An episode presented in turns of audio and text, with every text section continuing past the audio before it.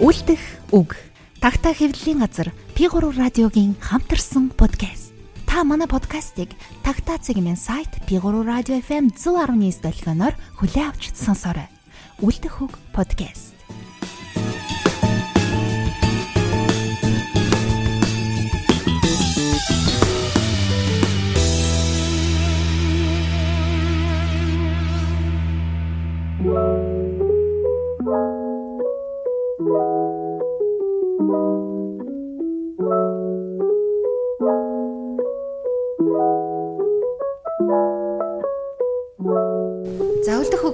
Маань шинэ дугаараа сонсогчдаа бүхэндээ хүргэж байна. Тэгэхээр энэ подкаст бол бар жилийн эхний дугаар. Уран бүтээлийн арвин ол зомгтой ява уран бүтээлчдийг за тэгээд лото зохиолын тухай ер нь бүхэл сайн сайхны тухай ярьдаг подкаст гэж сонсогчийнхоо зүгээс за тэгээд сүүлийн нэг дугаард оролцсон хүний хувьас ол хайлгаад байгаа. За өнөөдрийн подкастыг би тагта хэвлийн газрын редактор Дэлгэрмаа агчтэйгээ хамтран хөтлөх болно. Харин өнөөдрийн зочноор бол Тагтаа хэвлийн газрын орчуулагч, яруу найрагч Мөнхцөлийн Батбаяр маань энэ дугаарт оролцож өргөцсөн юм аа. Өдрийн мэнд хүргэе. Сайхан шинэлсэн үү? За өдрийн мэнд сайхан шинэллээ, сайхан шинэлсэн? Сайхан шинэлсэн. За тэгэхээр өнөөдөр бол гуруулаа хоёрч шинэ бөгөөд шинэвтер зүйлүүдийн тухай ярина тийм ээ.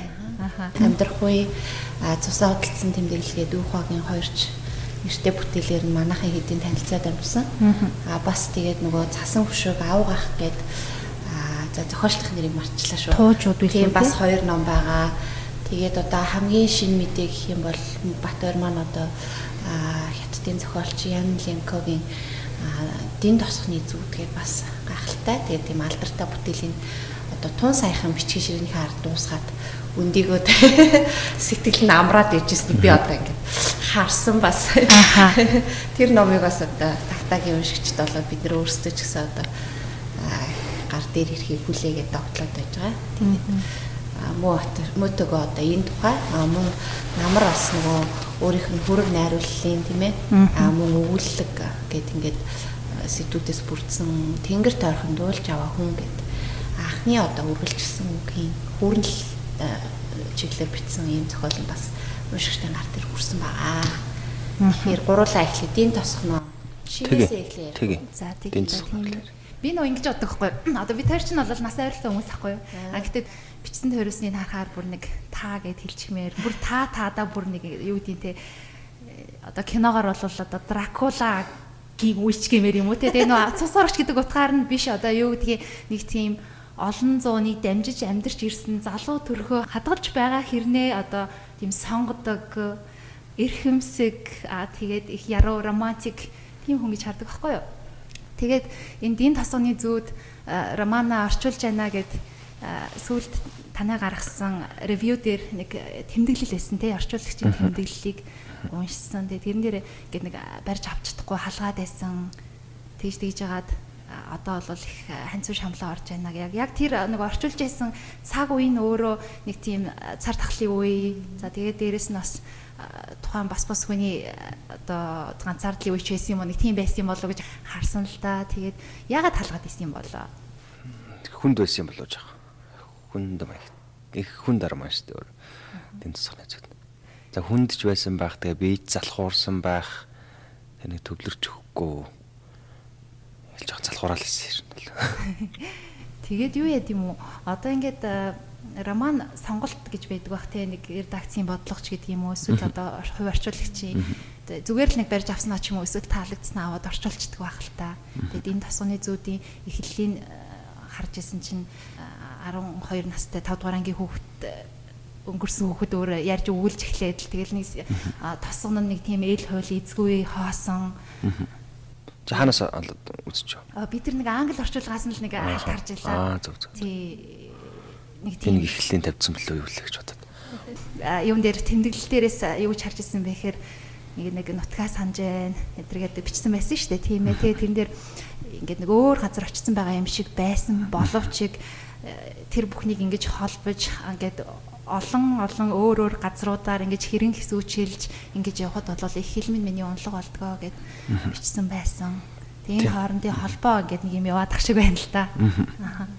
Тэг орчуулж ясан үуч яг нэг тийм одоо миний ховийн амьдрал хүн сэтгэл санаач гэх юм уу тэр юм жоохон тийм савлгаатай гэх юм уу юу гэх юм хямралтай гэх юм уу. Тиймэрхүү үе тараад яг тэр үг бидэн гэдэг найруулал дээр яг тэр тухайгаа яг бичсэн. Тэгээ бид нар ч одоо ингээд тийм хоёр иргэншлийг ингээд дамжиж шамдэрч байгаа. Одоо би жишээ нь тэгж байгаа хүн байгаа байхгүй. Тэгээ эхний баг 20 жил нь баг ингээд мал дээр өнгөрцөн гэх юм уу. Хөдөө өнгөрцөн. Тэгээд 20 жилийн дараанаас ахаад хотын бас нэг өөр амьдрал суралцж эхлэх хэрэгтэй болж байгаа юм бол яг монголчууд л игээд тулдаг зам л байх л та. Тэгээ тэр их надаа их тийм сонь сонь ч юм их тийм сонь ингээд санагдсан. Тэгээд эхний 20 жилийн тэр амьдрал юу гэгээд ингээд ботхоор ч ингээд дандаа төрөл садна аав ээж тийм таньдаг юм хүмүүс дотроо те мэддэг газар дотроо таньдаг хүмүүстэйгээ тийм орчинд ингээд байж байгаа хөөхгүй. Тэнгуут яг энд ингээд ингээд амьдрахаар дахиад шал өөр орчин ингээд юу эхэлж байгаа яг. Тэгээд тэгэхээр ингээд уртлын амьдралаас дараачийн ингээд амьдралын нэг үе мөчлөг гэх юм уу. Энд бол ингээд ирсэн нэг холбоогүй юм шиг надад нэг хэсэг айгу санагддаг байсан бохоггүй. Одоо хүний амьдрал ингээд залгаатай ингээд нэг олон их кино шиг ингээд ара араасаа ингээ залгаатай юм хэсгүүдээр одоо баймаар байтал. Одоо минийх болохоор ингээд уртлын одоо тэр нэг хөдөөж их юм тэнд өнгөрсөн амьдрал яг нэг урд төрөл гэдэг шиг тийм их бүдэг бадаг.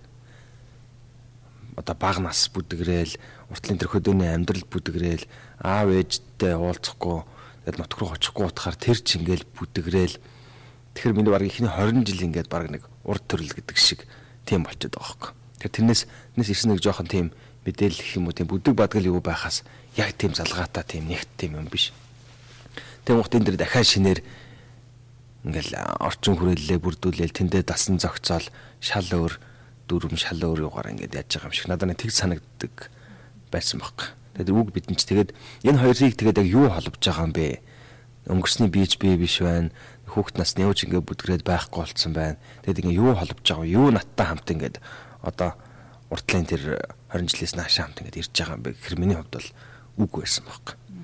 Тэр үг нь болохоор яг л эмээ өвгөөсөө сонс сурсан аав ээжээсээ сонсож сурсан манай нутагт хилэгддэг тэр үг бол надтай хамт ингээд ирээд цааштай хамт амьдраа явж байгаа бол зүгээр л үг байгаад би тэргээр бичээд орчуулгаа ингээ хийгээд явж исэн. Тэгэхээр тэр уртлын одоо хүүхднээс гэх юм уу тэрнээс нутгаасаа гэх юм авч ирсэн зүйл бол миний хувьд бол үг байсан нэг тэмхүү санаатай л юу. Тэгээд тэр үгээрээ тэр одоо нөгөө их нутгийн аялгаар бичдэг хүнгээл уншиж ялаа л да. Тэгээд их ишлэл зүйлттэй номон дээр их тэгж оруулдаг зохиол бүтээл нь бол уншихад бас их төвхтэй. Гэхдээ орчуулахад бол бас нэлээл бэрхтээ байсан байх. Тэр үйл явцтай энэ нөгөө роман яагаад сонгосон редакцийн бодлого болон одоо орчуулагчийн сонголт байгаа ах тий. Аа тий. Энд ч одоо бид чинь ковидын жилгээс сүүлийн хэдэн жил чаг ковид мовидтай ингээ байлаа шүү дээ Тэгээд хүнд халдвар төвчөнтэй те. Энэ үед бол тэгээ яар нь юу уншуулах вэ гэхээр эндийн засхны зүд чинь ингээд нэг гэдэгтэй нэг ядуу тосхонд доховчнд хараад тэгж байгаа тухай юм байхгүй. А гэхдээ яг зүгээр тэргээр дамжуулж юу гаргаж ийн гэдээ бол зүгээр надаа юу гэж бодгдсон бэхээр манад нэг юм үг өгдөг штэ. Зовх цагт нөхрийн чанар танигдана гэдэг штэ. Тэнгуут ингээд ковидтай үед мүйд ингээд хот амьдраад ингээд яхаар надад бол тэрийг зовх цагт одоо төрийн чанарт танигдан гэх юм уу. Тэгж хэлмээр ингээд санагдаж байгаа юм. Тэмүүт бид нар энэ ковид гэдэг энэ зүйл чинь биднийг яг ямар хуу хүмүүс удирдах байгаа ямар хуу юутай айгу тод ингэж харуулж өглөө шүү дээ. Тэгэл гадаадаас хүмүүсээ ах болохоор яасыг хоочртай яаж яасыг танил тал татаад л олны танил өөрийн дүү ах トゥ тийм ээ. Тэр хүмүүсийг ингээл наашид төрүүлээж авч ирээл яг өвчин зовлонтойгоо хүмүүс нь тэр хилээ цаана хэсгтэрээ очилж үлдээл кордон цаас дэвсэж унтаал. Тэгэл эцэг ихтэйгээ уулзч чадахгүй. Ингээл цонхны наан цанаас хагцаал. Энэ бүхнийг яаж байгаа чиг манаа ингээл төрөнд хийж байгаа зохицуулт тэл юм байгаа байхгүй аа зүгээр ингээд тусгай зөвшөөрлөгөл олоход л ямар их арын хаалга авилгал ямар их юм харагдав те.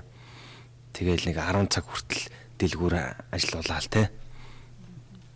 Тэгэл энэ бүх ингээл төрийн зохицуулт хийж байгаа юм чи айгу бидэрт айгүй хүнд дараатаа тэгээд нэг хүн ингээл ковид тусгаар бүх маршрутыг нь ил болгоол зураг хөрөгтөө тавиал зүгээр шившгийн утгаж байгаа хөөг. Тэгэхээр мань мэтийг ирнэ ямар хуу хүмүүс удирдаад бид ямархуу хүмүүс хууль санаачлаа тэр хүмүүсийн санаачилсан дүрм журм хуулийн дор бид нэр амьдарч байгаа гэдгийг ковид айгүй харуулж өглөө гэж бодоод байгаа хөөе. Тэгэхээр ингээд айгүй их ингээд нэг хямарсан эдийн засагч байна уу, хувь хүний дээр амьдралж байна. Тэгэл үнийн өсөлт мэт айгүй их нөлөөлсөн. Энэ нэг хүнд хэцүү он дотор чинь төрийн чанар маань айгүй их харагдаж байгаа юм болоо гэж би ингээд бодсон. Тэгээд энэ эдийн засгийн зүтгэлэрс ерөөсөө тэр арман байхгүй.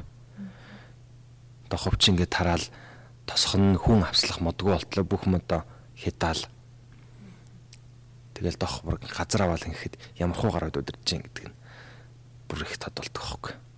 Чи ингээд өвчин өвчин золонгоор ингээд айдас үүсгэхэд хүмүүсийг айдсаар ингэж барьж хагаад ерөөсөө их мэдлээ бэхжүүлээл явж байгаа. Яг л манахтай ингээд болсон үйл явц л энэ арман дээр тэр чигээр гарч байгаа. Тийм учраас бас ингээд цаг үетэйгээ холбогдуулаад тэгээд угаасаач бас их сайн армаа. Учраас тэгэл сонгосон. Нөгөө зохиол сонголт гэдээ сая бас дурдлаа шүү дээ. Тагтаагаас одоо нэг энэ дэр зүгээр нэмээд хэлэхэд зарим уншигчдын зүгээс ч юм уу нөгөө хятад зохиол нэлээ их орчуулад байна ч гэсэн юм ингээд үе үе мерсэр орж ирээд байдаг. Гэтэл яг нөгөө нэг тагтаагийн яг сонгоод байгаа ямар ямар орны ямар ямар зохиолчдын ямар ямар бүтээл орчуулсан гэдэг нийтээр нь харах юм бол ерөөсөө ч яг дандаа хятад зохиол орчуулсан юм ер нь байхгүй. Айлах баланстай одоо юу гэдгийг өрөнд орно тий. Урд хойд хөрш а өгүүлхийн төвөрч гэсэн хин нэг нь орчууллаа гэхэд аль аль твээс нь түүгээд тийм ээ. Ингээд тэнцвэрээ барих жишээтэй. Дээр нь эн чинь нөгөө бас яад хятад зохиол сонгож орчуулад байна гэдэг чинь нэг талаасаа бид нөгөө урд хөршөө тий. Хөршөө сайн мэдэх хэрэгтэй. Тэгжээж бид нар бас өөрсдөө энэ нэг хажуу гүрэнд нь хоёр гүрнийхээ дунд яаж байх вэ тий Монгол хүн орчин цагт яаж э, өөрсдөө тодорхойл цаашаа яаж явах юм гээд энд бас нэг талаасаа нөгөө хуршийн тэр уран зохиолоо бид нар бас мэд хэрэгтэй байхгүй юу. Тэрнээс зүгээр л цээжэд илдээл одоо хятад бол тийм юм Монгол бол тэнгэрлэг гэдэг ах нь бас өөр айгу хор уршигтай үзэл ялангуяа орчин цагт одоо тэгж явхад болно гэхээр одоо юу гэх юм хоцрогдсон гэх юм уу те. Тэгээд ч нөгөө залуучууд ч одоо айгу тийм ухаалаг болсон юм шиг санагддээ шүү дээ. Ямар нэг юм ингээд хүчир шалтгаангүй үзий ядахгүй тий танин мэдэж өөрсдөө ингэж ойлгож ухаарсан дээрээ дүгнэлт хийдэг болсон байхад а дээд үеэс ах гिच нар ч юм уу нэг жоохон нөгөө моя үзэл цохолзуулаад байх ч юм уу хятад ихээр учиргүй үзээ ядаад уран зохиолыг ингээд ээж болохгүй хятад хүн ч гэсэн хүн а хятад зохиолч ч гэсэн ард түмнийхээ амьдралыг тий бичиж байгаа. Тэр дийн тосхны зүуд одоо сая тэр доход нэрвгцэн тосхныхны амьдралыг яалаа гэдэг шиг сая муугийн хэлсэн шиг үнэхээр бид нар тэр дийн тосхноор дамжуулаад зөвхөн тэр хятадын нэг тосхны дүр зургийг зургаар төдийгүй. Одоо яг орчин цагт бид нар өөрсдөө бас тэгвэл ямар байгаа нь тэр чинь уран зохиол нэг түүхийг өгүүлж байгаа боловч тэр өгүүлж байгаа түүхээр дамжуулаад бид нар эргээд өөрсдөө дээрээ ингээд өөрсдөө ойлгож авдаг тий өөр ирэхгүй жишиж боддог. Уран зохиолын бас нэг гайхалтай юм тэр өгдөлтэй нөгөө ямар нэг хэл хязгааргүй заавал бид нар хятад бид нарт занал хийлдэг хятадтай бид нарт мөнгөний дайсан гэдэг ингэх биш. Тэгэхээр нөгөө нэг уншиж байгаа хүмүүст би бас яг тэгж ингэж нөгөө уран зохиолыг тэгж бит ялгуулж хантаасаа гэж хүсдэг байхгүй юу? Энийг бас сая зүгээр бодож байгаа мөгийн яриг сонсож байгаа гэд хэлмээр санагчлаа тэгээд мөгөөс бас асуухад нөгөө орчуулгууд дээр нь одоо Ян Линко бол бас хүнд байхаасаа гадна. Одоо жишээ нь уухагийн хоёр ном орчуулсан. Уухаа бол одоо маш ахуулаг тий бүр амьдралын бүр зовлонгийн гүнээс дуулаад тий ингээд хүний нэг э, хүний түүхээр ингээд гайхамшигтай юм гаргаад тавьчихдаг. А тусаа хөдөлсөн тэмдэглэхэд дан харилцан яриа байдаг ч юм уу тий а тэгэнгუთ нөгөө чи зижэн шүү дээ тий цасан өшгийн зохиолч болохоор эмхтэй хүн. Тэгээд маш гоё яруу тийм бас нэг арай өөр. А энэ өмнөх орчуулгуудаас юу нэг дийн тосхны зүүд э, бас хичнээн хятад зохиолууд хичнээн ахуй өгүүлээд байдаг ш боловч Ян Ланко миний анзаархад бас нэлээд хүчрэх хүүрнэлчим шиг тий одоо энэ зохиолтой нь ингээд үйл явдлын хажуугаар нэг зүүдний юу сүлжилдэж орж ирэх гэдэг ч юм уу. Бичвэрийн хувьд бас үүхэн антрес нэлээд өөр байсан байна энэ талаар бас ярьж өөр тий. Тэгэн гот ч одоо өгсөн хүүхд шууд хүүрнэ явчихж байгаа байхгүй болшин дотроосоо Тэр тэр дүрээ ингээд өгснөө аль эрт зохиол ихэндээ хэлчихэж байгаа. Би 12 настайдаа ингээд хортой юу мэдээд намайг н хортуулаа алдсан. Тэгээд намайг сургуулийн харталд оршуулсан. Ингээд тэр хүүхэд 12 настай тэр хүүхдийн хүрнэл өгсөн. Тэгэн гут аа зүудний хэсэг аа яг бодит амьдрал хоёр чинь ингээд бүр ялгагдахын аргагүй ингээд сүлээд ингээд бичсэн. Аа тэргүй одоо яг хятад ном дээр юугаар ялгсан бэ гэхээр зүүднийх хэсгийг болтоор бичээд нөгөөхийг нь нөгөө италикаар бичээд ингээ ялгацсан. Тэргээр нь ингээд аа энэ одоо зүүдний яваад байгаа юм байна. Энэ яг болж байгаа үйл явдал нь болоод байгаа юм гэж ялгаж байсан. Хэрвээ ингээд тэрийг аваа ичих юм бол ингээд айгүй төөрөлдмөр байгаа байхгүй. Тэнгуут ингээд зүүдлээд яг зүүдэн дандаа биелээд зүүддэг айгүй тийм яг амьдралыг бодохоор яг марг ерөн л тийм байлээ дээ. Зүүд амьдрал хоёр чинь нэг өмнө хоёр талч юм шиг яг холилдсон байж идэг юм шиг. Тэгэхээр тэрийг ингээд нэг одоо нэг зүүдтэй юмнууд ч их тийм андашгүй байдаг шүү дээ. Ингээд зүүдлээд ин гэдэг нь андашгүй байдаг. Тэгээ энэ болохоор одоо чи нэг 400 тооцдаар маа гарах. Тэгэхээр энэ баг л 200 тооцсон тал нь баг яг зүүднийх зүүднийх хэсэг баг. Тэгэд айхтар сүлж бичсэн юм ялгахдахын аргагүй. Сүлж бичсэн ямар сайндаа тэгж нэг өсгөх нь юугаар ялгах та тий. Тэр нь их тийм сонирхолтой юу байсан. Тэгэд маш тийм энгийн хүүрнэлтэй. Одоо жишээнд цасан хөшгийн зохиолч энтрийг бодвол юм уу? Энтрийг бодвол их тийм энгийн. Тийм борогжоон тэмхэлтэй. Аа, моён ч юм одоо манахсны сайн мэддэг зохиолч моён энтрийг бодвол тийм их домоглог юм уу байхгүй. Үлгэр домоглог тиймэрхүү юм байхгүй. Их бодит төрсөн дээрээ их яасан. Тийм л зохиол. Тэгэхээр энэ энэ хятадтай ирнэ их газтай хориотой байдаг байх шүү юм. Хориотой ч гэсэн бэлээ. Бид нөгөө ирэх авахта Тайванаас ирэхийг нь авсан гэд байсагч ирж ирсэн. Тэг тэгэхээр нэлээд л тийм өөрсдийнхөө тэр ах амьдрал юг ингээд их түншсэн. Ясан дээр нь тавьсан тийм юм да. Тэгээд эдрийн нэг авууштай тал гэх юм уу. Одоо нэг их би их тийм их суралцж байгаа тэр тал гэх юм бол эдний энэ зовлон зүдгүр энэ бүх юмныхаа юу гэрээсөө гаднаас хайхгүй. Дотроос уу хаг амьдрах үеч гэсэн тусаа хөдөлтөнд нөлөөлж байна. Одоо энэ дэн цохны зүүж гэсэн ерөөсөө энэ бүхнийхээ шалтгааныг дотроос хайдаг. Тэр нь их тийм суралцууштай тийм юм надад санагдсан. А бид нар болохоор хятад хэлээ хаагаад ингэчлээ орс. Орсууд ингээд ингэчлээ. Тэгээ зүгээр л ингээ утаа хэсэгтлээ. Хүн ингээд нэг айлууд ингээд оролтод хүлээд ингэчлээ гэд дандаа өөрөөс юмнуудыг холтгож дандаа ингэ бусдыг ингээ буруу шаж идэг. Энд тэгээд уран зохиолдож айгүй ингээд их харагддаг юм шиг надад санагддаг. Тэгэл ингээл түүх юу юм хаа ингээл манжууд ирээд бид тэрийг ингээд зовоочлоо хиттууд орж ирээд гинэн цайлган монголчуудыг ингээд ягаа ажиллаа орсууд ингэчлээ. А монголчууд бол гинэн цайлган юм мэдхгүй юу гэсэн. Тиймэрхүү хандлага их байдаг юм шиг. Тэгээд ололтоо тийм бахархалтай юм болохоор их өөр дээр их ач хавьяа ингээд хуваалцах дуртай өөрийнхөө эзэлсэн байлдан дагуулсан түүхээ яхад их маш бахархалтайгаар бичдэг. Тэгээд өөрийнхөө алдааг болохоор гэж өөр дээрээ хүлээж авч чаддгүй. Хуу хүмүүс нь ч гэсэн яг зохиолчдын юмнаас ингээ харж явах ч гэсэн. Одоо жишээ нэг нийтлэг байдаг юм ингээл манжийн бүсийг шатаалаа, өрийн яг дансыг яалаа гэдэг нэг тийм юм ба штт.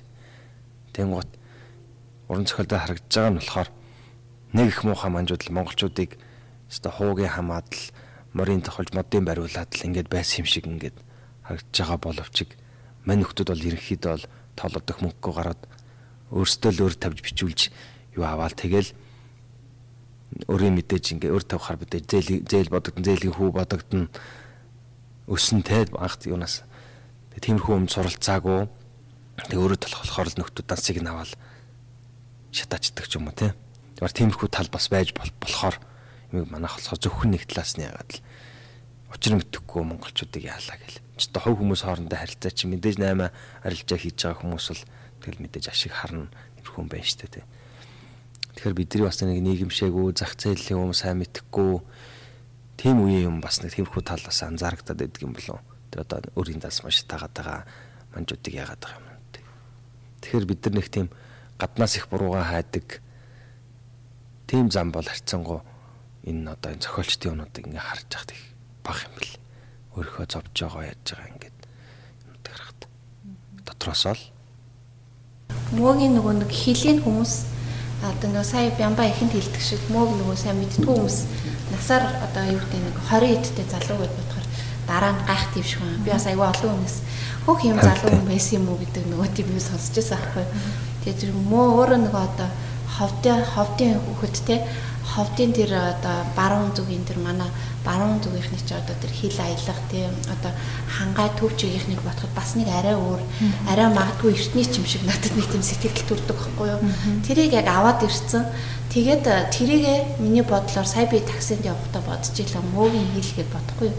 Тэр би мөө тэр гой хилийг тэр баруун хязгаараас авч ирээд Улаанбаатарт нэг их одоо юу гэдгийг их удаагүй тий оюутны 4 жил байжгаад одоо Хөх хот руу сурахаар явцсан.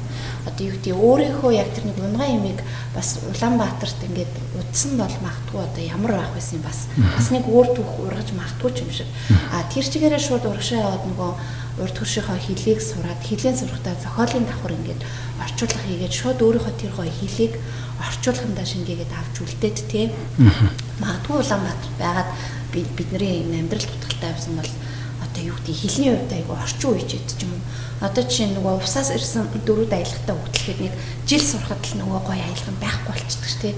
Тэрэн шиг аялгын бус аялга төдийгүй одоо их тэр гоё эзэмшээд ирсэн хил үгийн сан гэдэг юм авч үлдэж чадангуудаа шууд орчуулга руу гоё ивүүлээд тэрийг авч үлдээд тий эргээд өөрөө орчуулга хийж байгаа цаашаа одоо хүүрнэл бичээд гоё найруулал бичээд эргээд тэр хилээ орчуулгасаа гадна өөрийнхөө бүтээлд эргэж ашиглаад тэр чи эргээд уншиж байгаа хүмүүст хөөх энэ бидний ил чинь ямар гоё юм бэ? Ийм үг байсан юм уу гэх тээ бид нарыг ингээд өөрөө өөрийгөө их хэлээрээ авч үлдэж чадсан төдийгүй биднийг ч гэсэн их хэлтэй маань ингээд уншиж байгаа хүмүүсийг уйж өгөөд тээ ойртуулад ингээд их хэлний бас тэр нэг сайн сайхан юм ингээд нэвтрүүлээд байгаа нь айгүй гоё тийм би мөөг яг тэгж утсан аахгүй магадгүй Улаанбаатарт их удаагүй.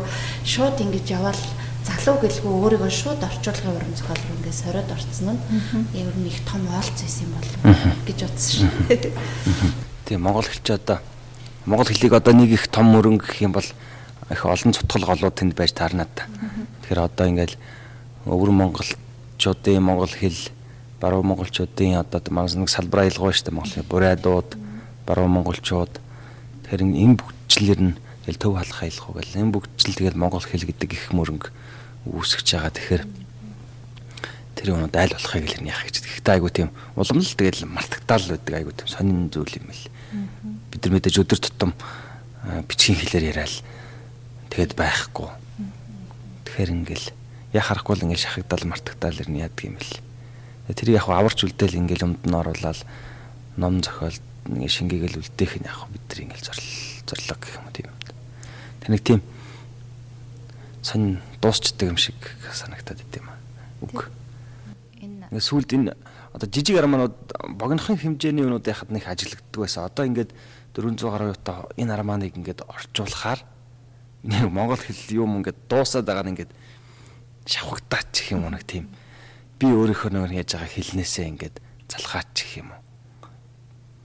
Тийм юм айгүй ажиглагдсан. Би нэг тийм өөр үг хэрэглэх юмс нэг өөр нэг юу яах юмсан гэсэн нэг тийм учиргүй ингээд нэг тамхи хайж байгаа хүн шиг тамхи татахгүй болохоор нэг хүмүүс чинь ингээд хайгаад байж суугаал ундуцдаг шиг ингээд надад нэг тиймэрхүү их тийм юу нэг ажиглагдчихсэн сүүл рүүгээ эхэндээ жахаа ингэж явж байгаа. Тэгэхээр одоо ил нөгөө л үг нөгөө л найруулгааг өөрийнхөө юмар л ингээд хусаад байгаа байхгүй.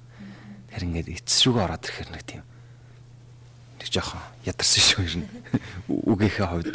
Том бүтээлийн ард бас хүн яг яалтчгүй давтагддаг л баг л та. Яа яалтчгүй дэгдэв бэл нэг төмрийг давтсаар ятл нэг ядаг шиг хүн өөрийгөө ч гэсэн том бүтээлийн ард нэрээ ялтчгүй бас тэгж гарах л та. Тэгээд мөгийн хувьд ч одоо харцангуй залуу хүн.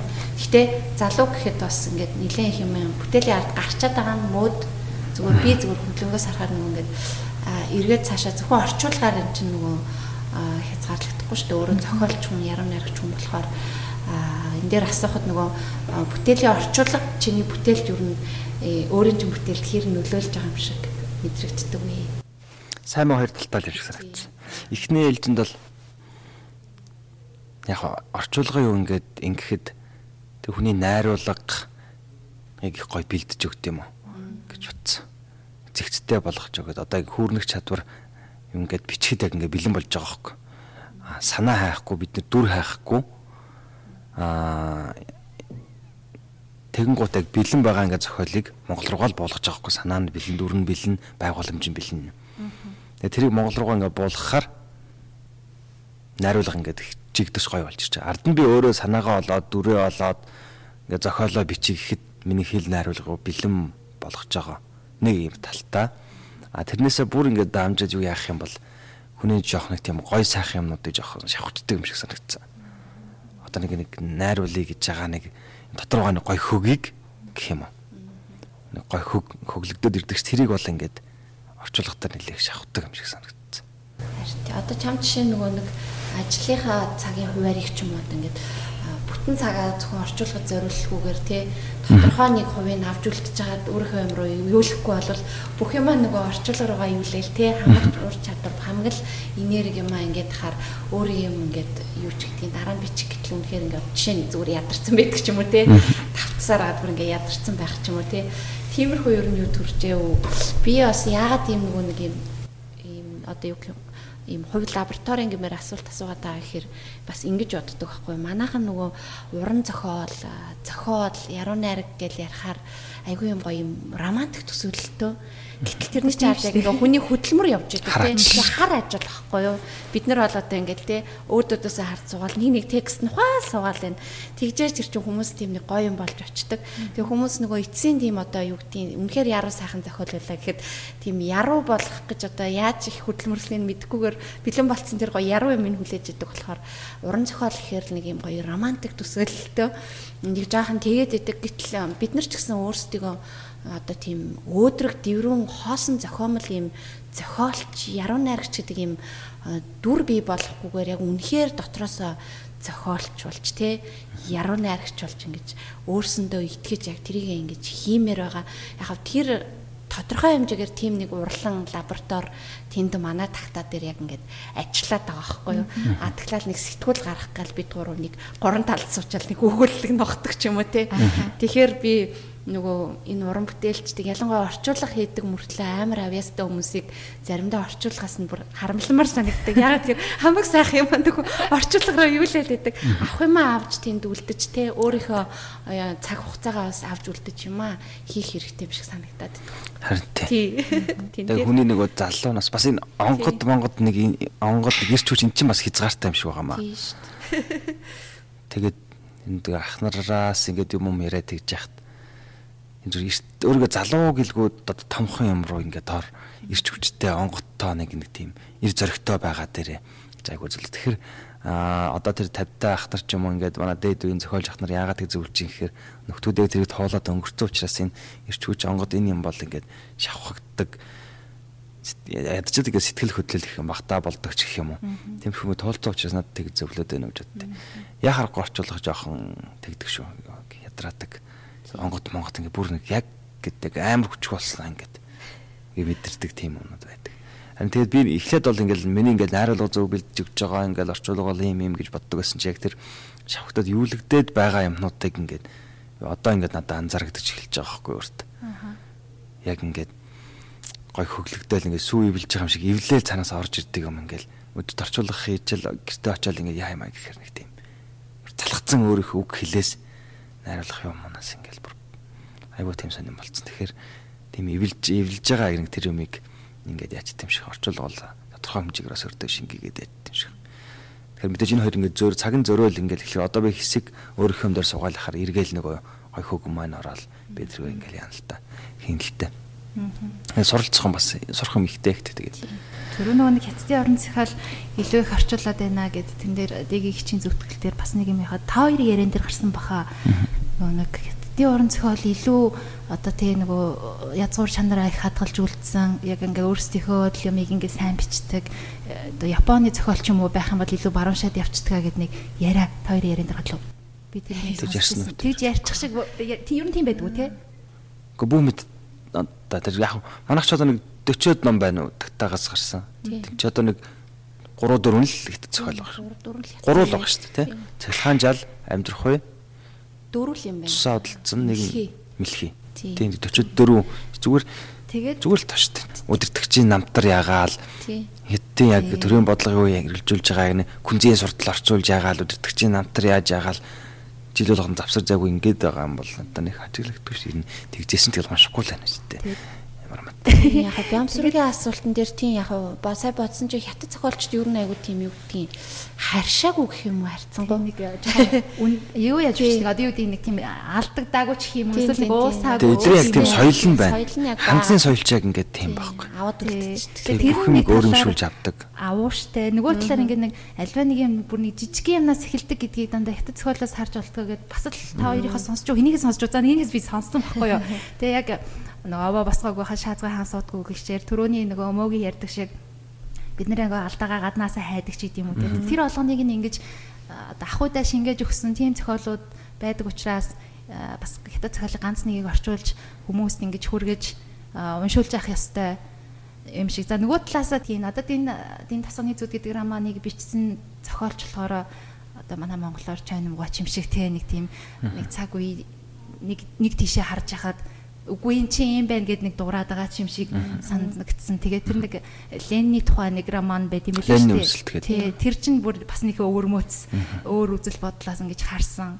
Тэгээ сүүлд бас ингээ фейсбүүкээр найзахгүй юм уу те ингээ харж байхад бас ерөнхийдөө нэг цэцэг навч ч юм уу нэг хайр дурлалдуулаад ингээ уянгалаад хахаас илүүтэйгээр бас эн чинь үндэснийхээ төлөө ч юм уу эсвэл ингээ нийгэмд болж чадахгүй байгаа зүйлийг уран бүтээлчийнхаа зүгээс эмзэглэж гаргах хэрэгтэй байдгийн байлээ энэ төр гэд. Ингээ хоорондоо ингээ бүгдээрээ уйлдаж холбоотой ингээ нэг араас нь эрэл хайгуул хийгээд байгаа юм шиг санагдаад байгаа байхгүй юу? Тэгээд тэр дотроо байсан тэр одоо ерөнхийдөө л бас их эрх танх нутгийн одоо тий хайртай хүү ингээд нэг нийгэм рүү ингэж нэг орох те үзэл бодлоор ингэж талайжгаж орох хоёрын хооронд юу ямар үйл явц болоод идэгюм бэ яадгийн идэгюм бэ? Хүмүүст энийг хүрэх тал дээр яаж байна нэг нэг өөр модыг аваад нэг одоо өөр газар суулгацсан юм шиг амьдарч байна гэдэж бас нэг биччихсэн байсан. Эдрийг бүгд хоорондоо холбоотой юм шиг надад санагдаад байхгүй. Ингээд тал талаас л одоо хамт шимсээ хөвөрдсөн юм л та. Тийм нэг өөрийнхөө амьдралыг ажиглаж байгаа л тийм юм уу та гэж. Би айгүйх надад их айгүйх миний тийм бодох тийм дуртай юм ч тийм цаг хугацаа энэ хүний амьдрал гэж юу вэ? Би гэж хинбэ гэдэг юмд айгүйх ингээ бодох дуртай байхгүй. Энэ амьдрал яг яаж өрнөд байна? Юу туулаад байна? Яагаад байна? Тэгээд яг нэг 21-р зууны ихэнх одоо 21-р зууны ихэнх 20 донд амьдарч байгаа монгол хүн бидрээ гэж хинбэ те. Ингээд нэг хоёр иргэншлийн донд нэг нэг хөл нь хөдөө дээр тавигдаад нөгөө хөл нь ингээ хоттоо ингээ тавигдсан энэ нэг хоёрдж байгаа нэг хуваагдж байгаа юм хүн бол одоо яг 21-р зууны ихэнх үеийн монгол хүний нэг тийм хэв шинжин байна. Тэгэд өмнөх 70 80 жилийн социализмын социалист нийгмийн үед ингээд өнгөрчихсөн аав ээж нь тэнд өссөн тэгэнгუთ шал өөр нийгэмд өссөн хүүхдэн бол дараагийн хүүхдэн болоод ингэж байгаа. Тэгэл энэ бүхэн ч ингээл монгол хүн байхгүй шашин ингээд сэргэж байгаа. Тэгэд өмнөх өмнөх нийгмээсээ одоо өмнөх нийгмийн тэр үнэр бол ингээд хамруу зүрээс аягүй холдоогүй байгаа байхгүй хүмүүс нь ч ингээд бодит гэрчүүд нь ингээд тэр туулсан хүмүүс нь ч ингээд байгаа. Тэнгуүтэг миний үеийн залуучууд ихээр яг тэрийг үзээгүй гэхдээ тэрнийхэн үнэрийг нь болохоор ингээд маш их үнэрдэж өссөн биеэрээ туулаагүй мөртлөө. Үнэрийг нь бол ингээд одоо би чи 94 оны хүн гэхээр тийм бах. Үнэрийг нь үнэрдэж өссөн гэхдээ нэг өөр юм руу яваад байгаа. Гэтлэг уртлах ингээд бие угаад угаагаад ингээд өөр хүн болчих гэхээр уртхны хүм үнэртээд ингээд байгаа. Тэгэд энэ бүх нь яг юу вэ? Би яг юу тоолж гин? Тэгээ миний яг хов хүн миний яг асуудал, манай үеийнхний асуудал яг юу байна?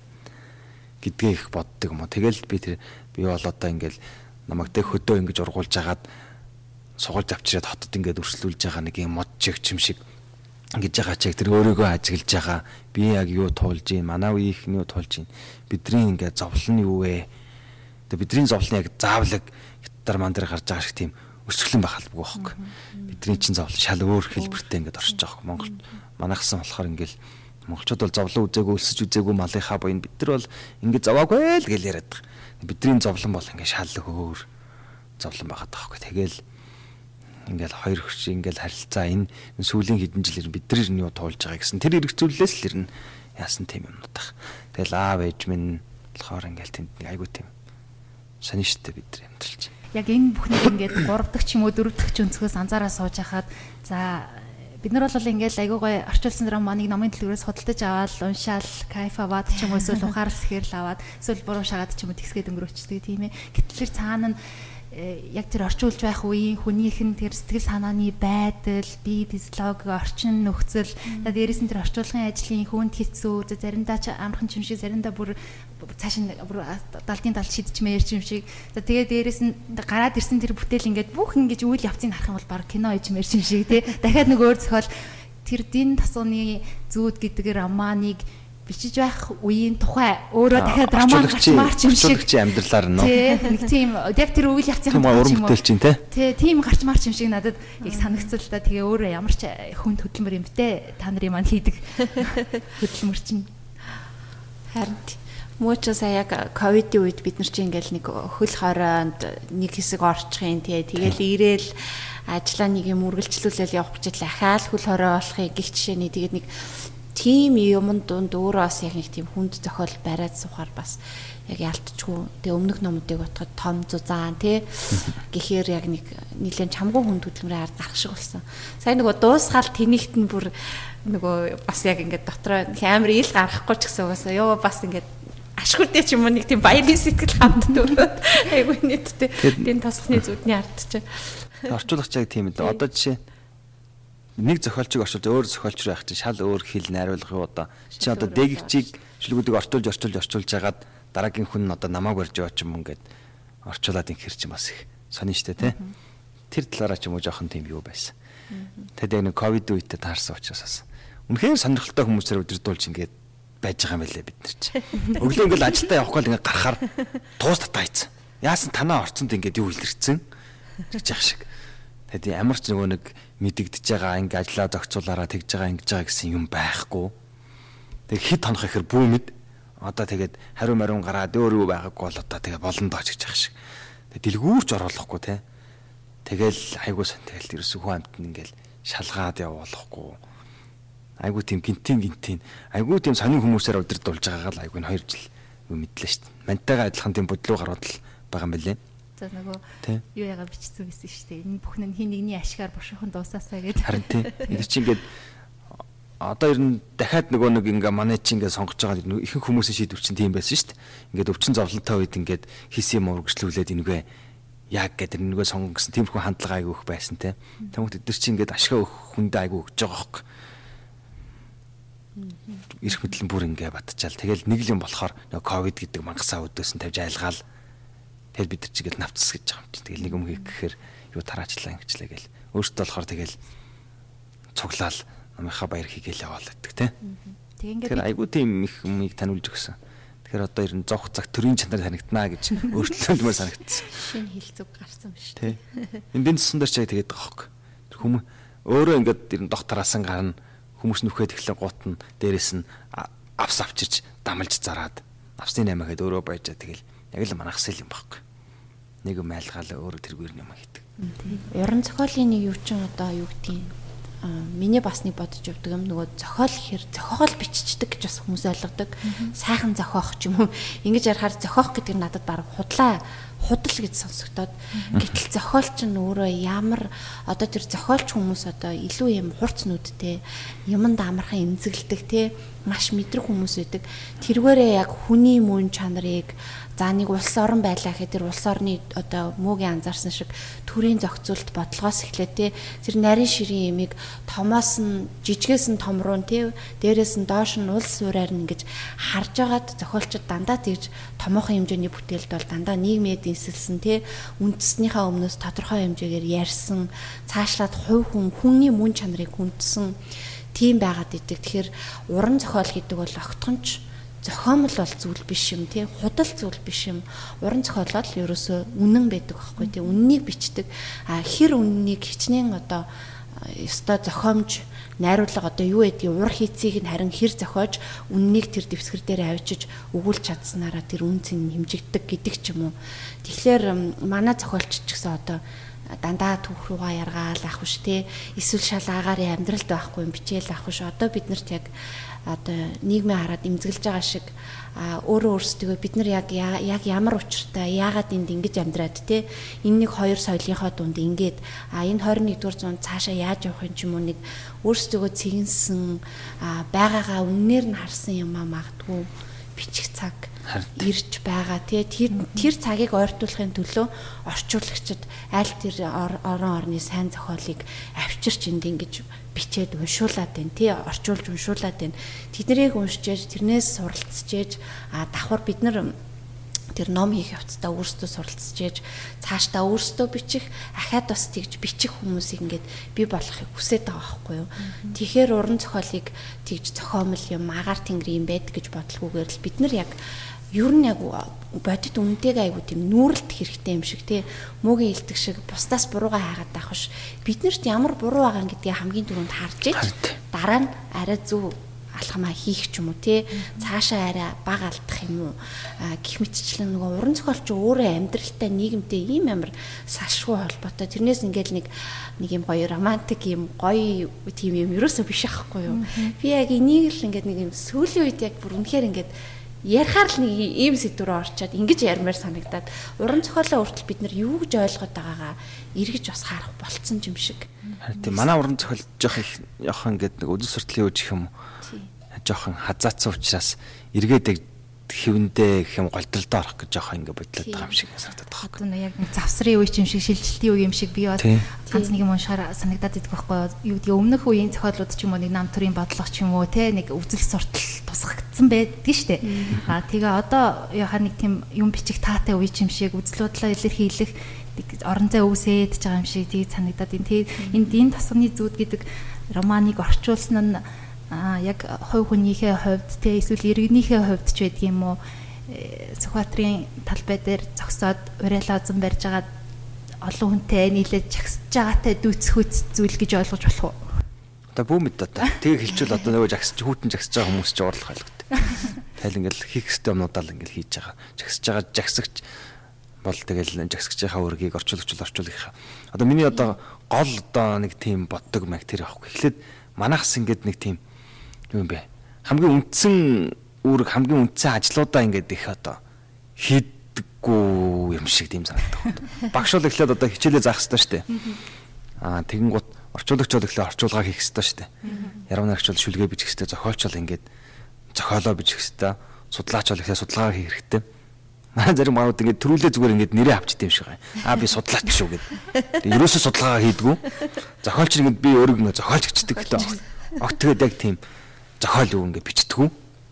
Тийм шүү. Тэгэхээр хийх ёстой ажлаа эхлээд хийхээс баг хамаг сайн сайхан юмны эхлэл эхлэх юм шүү. Тэгэхээр ингээл орчуулагч гэж байгаа бол ингээл би тэргүүл хийх ёстой шүү дээ эхний ээлжинд. Уртгаал хийх ёстой. Тийм, уртгаа. Тэгэл одоо бимба одоо ингээл яг сэтгүүлчийн юм юуны ажил байна тэгэл ингээл яг үндсэн ажлаа ингээл хийж байгаа шиг хүн болгон л дор бүрнээд хийх ёстой шүү. Манайхс ингээд нэг тийм урттаа нэр тавиад ингээд нэг нэгэндээ дүр бүтээчэл тэрнийхээ хойноос явд юм шиг. Эхлээд уг нь хөдөлмөрөөр тэрийг олж авч ингэх байдал эхлээд тэргүй ингээд тавьчаад ард нь тэрнийхээ хойноос ингэж явдаг юм шиг. Заримд нь бол ингээд хөрөхгүй тэгээд байж байгаа хүмүүс ч ингээд харагддаг. Тэгээд бид нар их өөрийнхөө үнэн зөвтэй айгуу тийм шууд нүрэлдэх хэрэгтэй юм шиг байна. Бид нар ч ингээд тойроод халгаал ингээд сайхан талаас нь тийм манай уран зохиолч нэг тийм сони бахархлын уран зохиол шүү дээ. Ингээд нэг тийм хүний ингээд яг жоохон дорой бураа ч юм уу тэмхүү байгаа л хүмүүсийн шинж байх л та тэг тийм бахархах хэрэгцээг уран зохиол бичиж байгаа урлаг киногаараа ингээ хангадаг. Тэ нөгөө нэг байлдан дагуулад тийм сайхан явсан цагаа ингээ дурсаал ингээд хөвтөд байгаа хүн шиг те. Залуу явсан цагаа ингээл дурсаал хөвтөж байгаа тийм хөвтөрд орсон тийм хүн шиг ч юм уу. Тэгэл тийм бахархлын тэр хаа минь тэр хатан минь тэгж сайхан ингээ байгуулсан юм тэр сайхан ахуй соёл минь Үнэхээр дэлхийд хосуу гэлдэг тийм сонь сони мэрдэн. Би бол энэний жоохон эсрэг байдаг хөөг. Нэхэд сайнтай муутаг ингээд хоцрогдсон мартагдсан болгон тийм үнэтэй соёл биш штэ. Хаяхаа хаях хэрэгтэй штэ. Бүтүүлэг баллаа юмнууд байж л идэг штэ. Тэгэхээр тийм наанта цантаа тэжилт мөнэн зөвөр хандмаар юм шиг байна. Миний орн учраас би бахарах ёстой биш. Сайнтай муутаг ингэж харах ёстой юм шиг. Тэгээд ингээ уран зохиол ингээ том том романууд ирнэ ингээд том их тийм дүн шинжээчтэй тийм байгаа хөөхгүй тойл байгаа хөөхгүй ингээд толинд өөрийгөө ингээд хараа зогсож байгаа юм шиг. Манай одоо театр тэгэхээр ингээд ботхоор ямар жүжиг тавьж ингээл тэгэхээр одоо ингээл дандаа гадны жүжиг тавьж байгаа. Гим цэмлэгэн, Анна Криналь гин тийм юм бол гин те. Тэгэл энэ орчуулгын уран зохиол, гадны зохиолууд одоо ингээд юу эзэлж байгаа байр суурь ингээд хангаж өгч байгаа юмуд бол ингээд бид нар манай Монголын дотор уран зохиол, театрын хүчин бол гадны тийм зохиолуудаар айгүй их тийм арга цааж байгаа, яваа хангаж байгаа тийм айгүй их ингээ байгаа. Тэгэхээр энийг ерөөсөө чамлж яаж болохгүй. Гэхдээ энэ цаг бол тийм мөнхийн тийм цаг биш. Бид нар одоо л ингээд гадны амтад танилцаад ханаад нэг бид нар ч бас ингээд бичвэл бичих юм биш гэсэн бас гээд тэр цаг руугаар ингээд шилжиж байгаа гэж ингээд ханддаг. Тэгэхээр энд энэ тусхан бас л нэг хүмүүст нэг тийм бодлыг бас ингээд төрүүлж өгөөсөө л гэж одоо бодож байгаа хүмүүс их унших байх. Тэг. thank you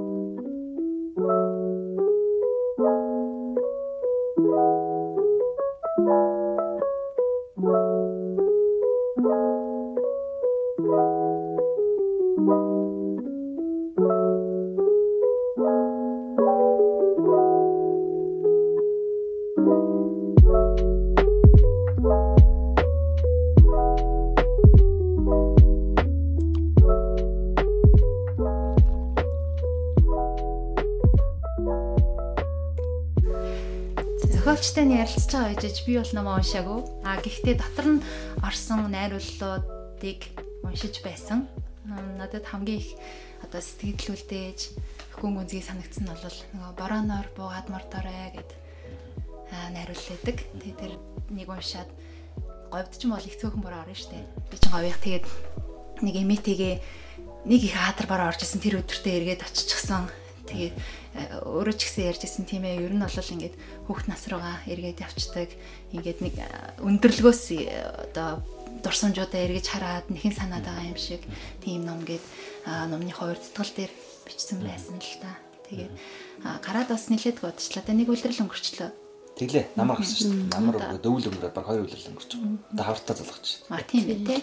Уншигчдын одоо янз бүрийн санал шүүмжүүд, за тэгэл сэтгэгдлүүд, их сайхан сайхан зүйлүүдийг хүмүүс бичсэн байгаа харагдсан. Бас урлаг судлаачид, ном зохиол бичдэг хүмүүс бол энэ тухай нилээдгүүл шашин шугаад амжсан байлээ. Номынхаа тухай бас өөр ярих зүйл танд бол байдаг байна. За номынхаа тухай одоо тэгээд тэгээ найруулал гэж төрөл би өнөх дуртай хуучин хуучин их бичдэг байсан баг. Сүүл үуч одоо э нийтлэл лишээр тим жанрын юмнууд их бичгдэд инхий. Найруулал гэдэг үү жоохон жоохон цөөхөн тэгээд над над миний их тийм дуртай маягийн төрөл учраас би ингээд яга битсэн. Тэгээд ер нь хөдөөгийн амьдралыг ингээд илэрхийлж гаргахад хөдөөгийн амьдрал их тийм юу юм аа. Их тийм зөрчил юм уу багтаамаа. Зөрчил юу багтаа, үйл явдал багтаа. Тэгээд нэг э, ихтэй нөхөр хоёр байна. Нөхөр нь хондоо гараа авчин ихтэй сайс үгэ бэлдээд үлд чинь тэгэл бор хоногтой оройд нэг цуглаал тэгэл нэг юм хүм гэлээ тийм нарилцаа юу багтаа ч юм шиг тиймэрхүү юу. Тэгээ зүгээр энийг би юугаар гаргах вэ? Юугаар илэрхийлэх вэ? Гэдгийг угл одоо. Тэр нь л одоо найруулсан юм болоо тийм ээ тэгжил ингээ ботсон шүү дээ би. Найруулдаг тохиромжтой юм шиг. Гэтэл ингээд бичмээр гой гой юмнууд ингээ байгаад байдаг зураглалууд те. Одоо жишээ нэг тийм борооны өмнөх ах бай нэг айлд нэг тийм бороо өнгөрөх нэг тийм зургасах нэг агшин те. Энэ бол тийм найруулт илүү тохиромжтой болов. Энэ зүр уран бүтээлч одоо зохиолч үгийн хүмүүс нэг тийм энийг ямар санаагаар ямар хэлбэрээр илэрхийлэх үү гэдгээ одоо мэдж яах нэг тийм даваа тал юм шиг байна. За энэ бол яруу найраг болмоор юм байна. А энэ бол тийм жүжигээр ч юм уу энэ юм байна. Энэ нь бол өгүүлэлэг юм байна. Энэ нь бол тууж юм байна. Энэ арманы нэг эсэгээр. Энэгүй ялгах цалгаж ингэж мэдж яах нэг чухал давуу тал юм шиг одоо ингэ санагддаг. Тэгэхээр надад зүрх хөдөөний тийм одоо тэр намрын гайн гэдэг ч юм уу, буугаад бороо өрөөгөөд мөр зороо ч юм уу, энэ тийм яхан тийм найруулал их тохиромжтой төрөлгийг санагдсанаас л тэг энийг жоохон оролтод турч үзсэн гэх юм да. Хүмүүс бас бичсэн байсан нөгөө Хүүрнэл цохиолынхын анхны ном гэдэг. Тэмдэж 10 найргийн ном, Хүүрнэл цохиолын ном хоёр хоорондоо асар ялгаатай байх л та. Гэхдээ нөгөө зохиогчийн оюун санааны одоо хувьд ч гэдэг юм уу те одоо арай өөр зүйл бичих болсон тэр шалтгаан. Өмнөх номнууд өмнөх 3 ном байгаа те 10 найргийн. Тэр номнуудаас энэ номнууд одоо юугаараа оюун санааныхаа хувьд те хэлэх шидэг санааныхаа хувьд юугаараа ялгаатай байдаг юм бол тийм шилжиж байгаа л нэг тийм юм шиг байна. Шилжих үйл явц гэх юм уу. Тэгээ хажуугаар нь бас ингээл яруу нарыг бичээлсэн л та. Тэгэл нэг тийм нэг төрлөөс нөгөө төрлөө шилжиж яаж байгаа учраас яруу нарилэг чанар яг хот нэг тийм жоохон давуу одоо ингэ иргэд очиж даажиглагдчихсан юм. Гэхдээ бас дээгчээс яг энэ асуулт байгаа байхгүй одоо яг ял өнөр бичиж хагаад одоо хүүхдээ юм тууж бичих юм явц. Одоо асууж байгаа. Би зөв мөөгийн нэвтрүүлэх дондор амар өөр хам ярьсан тий. Зүгээр шүү дээ. Би бас таньсан юм. Монгол хэл их юм биш. Шал өөр юм ярьсан шал өөр ярьдаг шүү. Сэдвийн төдийг үд нөгөө нөгөө юуны шилжилт явагдчих шүү дээ. Би надад ч яг их айхтар э, юу яасан шүү дээ. Нөгөө өөрийнхөө бэлэн түүхийг сторигоо шууд нөгөө бичсэн болохоор илүү нөгөө юу гэх нэг арай зовлон багтай ч юм уу. Тэгээ яг нөгөө цаг үе мууийн таарад би чинь тэрийг нөгөө аавда зориулангууд аавын маань түүх болохоор надад нэг юм шинээр юм бичих биш. Би байсан юм ал зүгээр шүлгээр биш те үргэлжилсэн өгүүлбэрүүдээр бичиж байгаа гэдгээр ялгаатай ч юм. Тэгээ нэг жоохон өөрөө нэг жоохон охин болж байгаад нэг доторх жижигхэн охиноо жоохон сэрэж дуудаж босгож ирж байгаад бичих гэдэг ч юм уу. Тэгтээ яах вэ? Яг юм бичих талаасаа нөгөө юу хэрэгтэй юм блэ? Жохон баг хэмжээний зохиол мөртлөөл надаас нөгөө суух тий сууж сурах.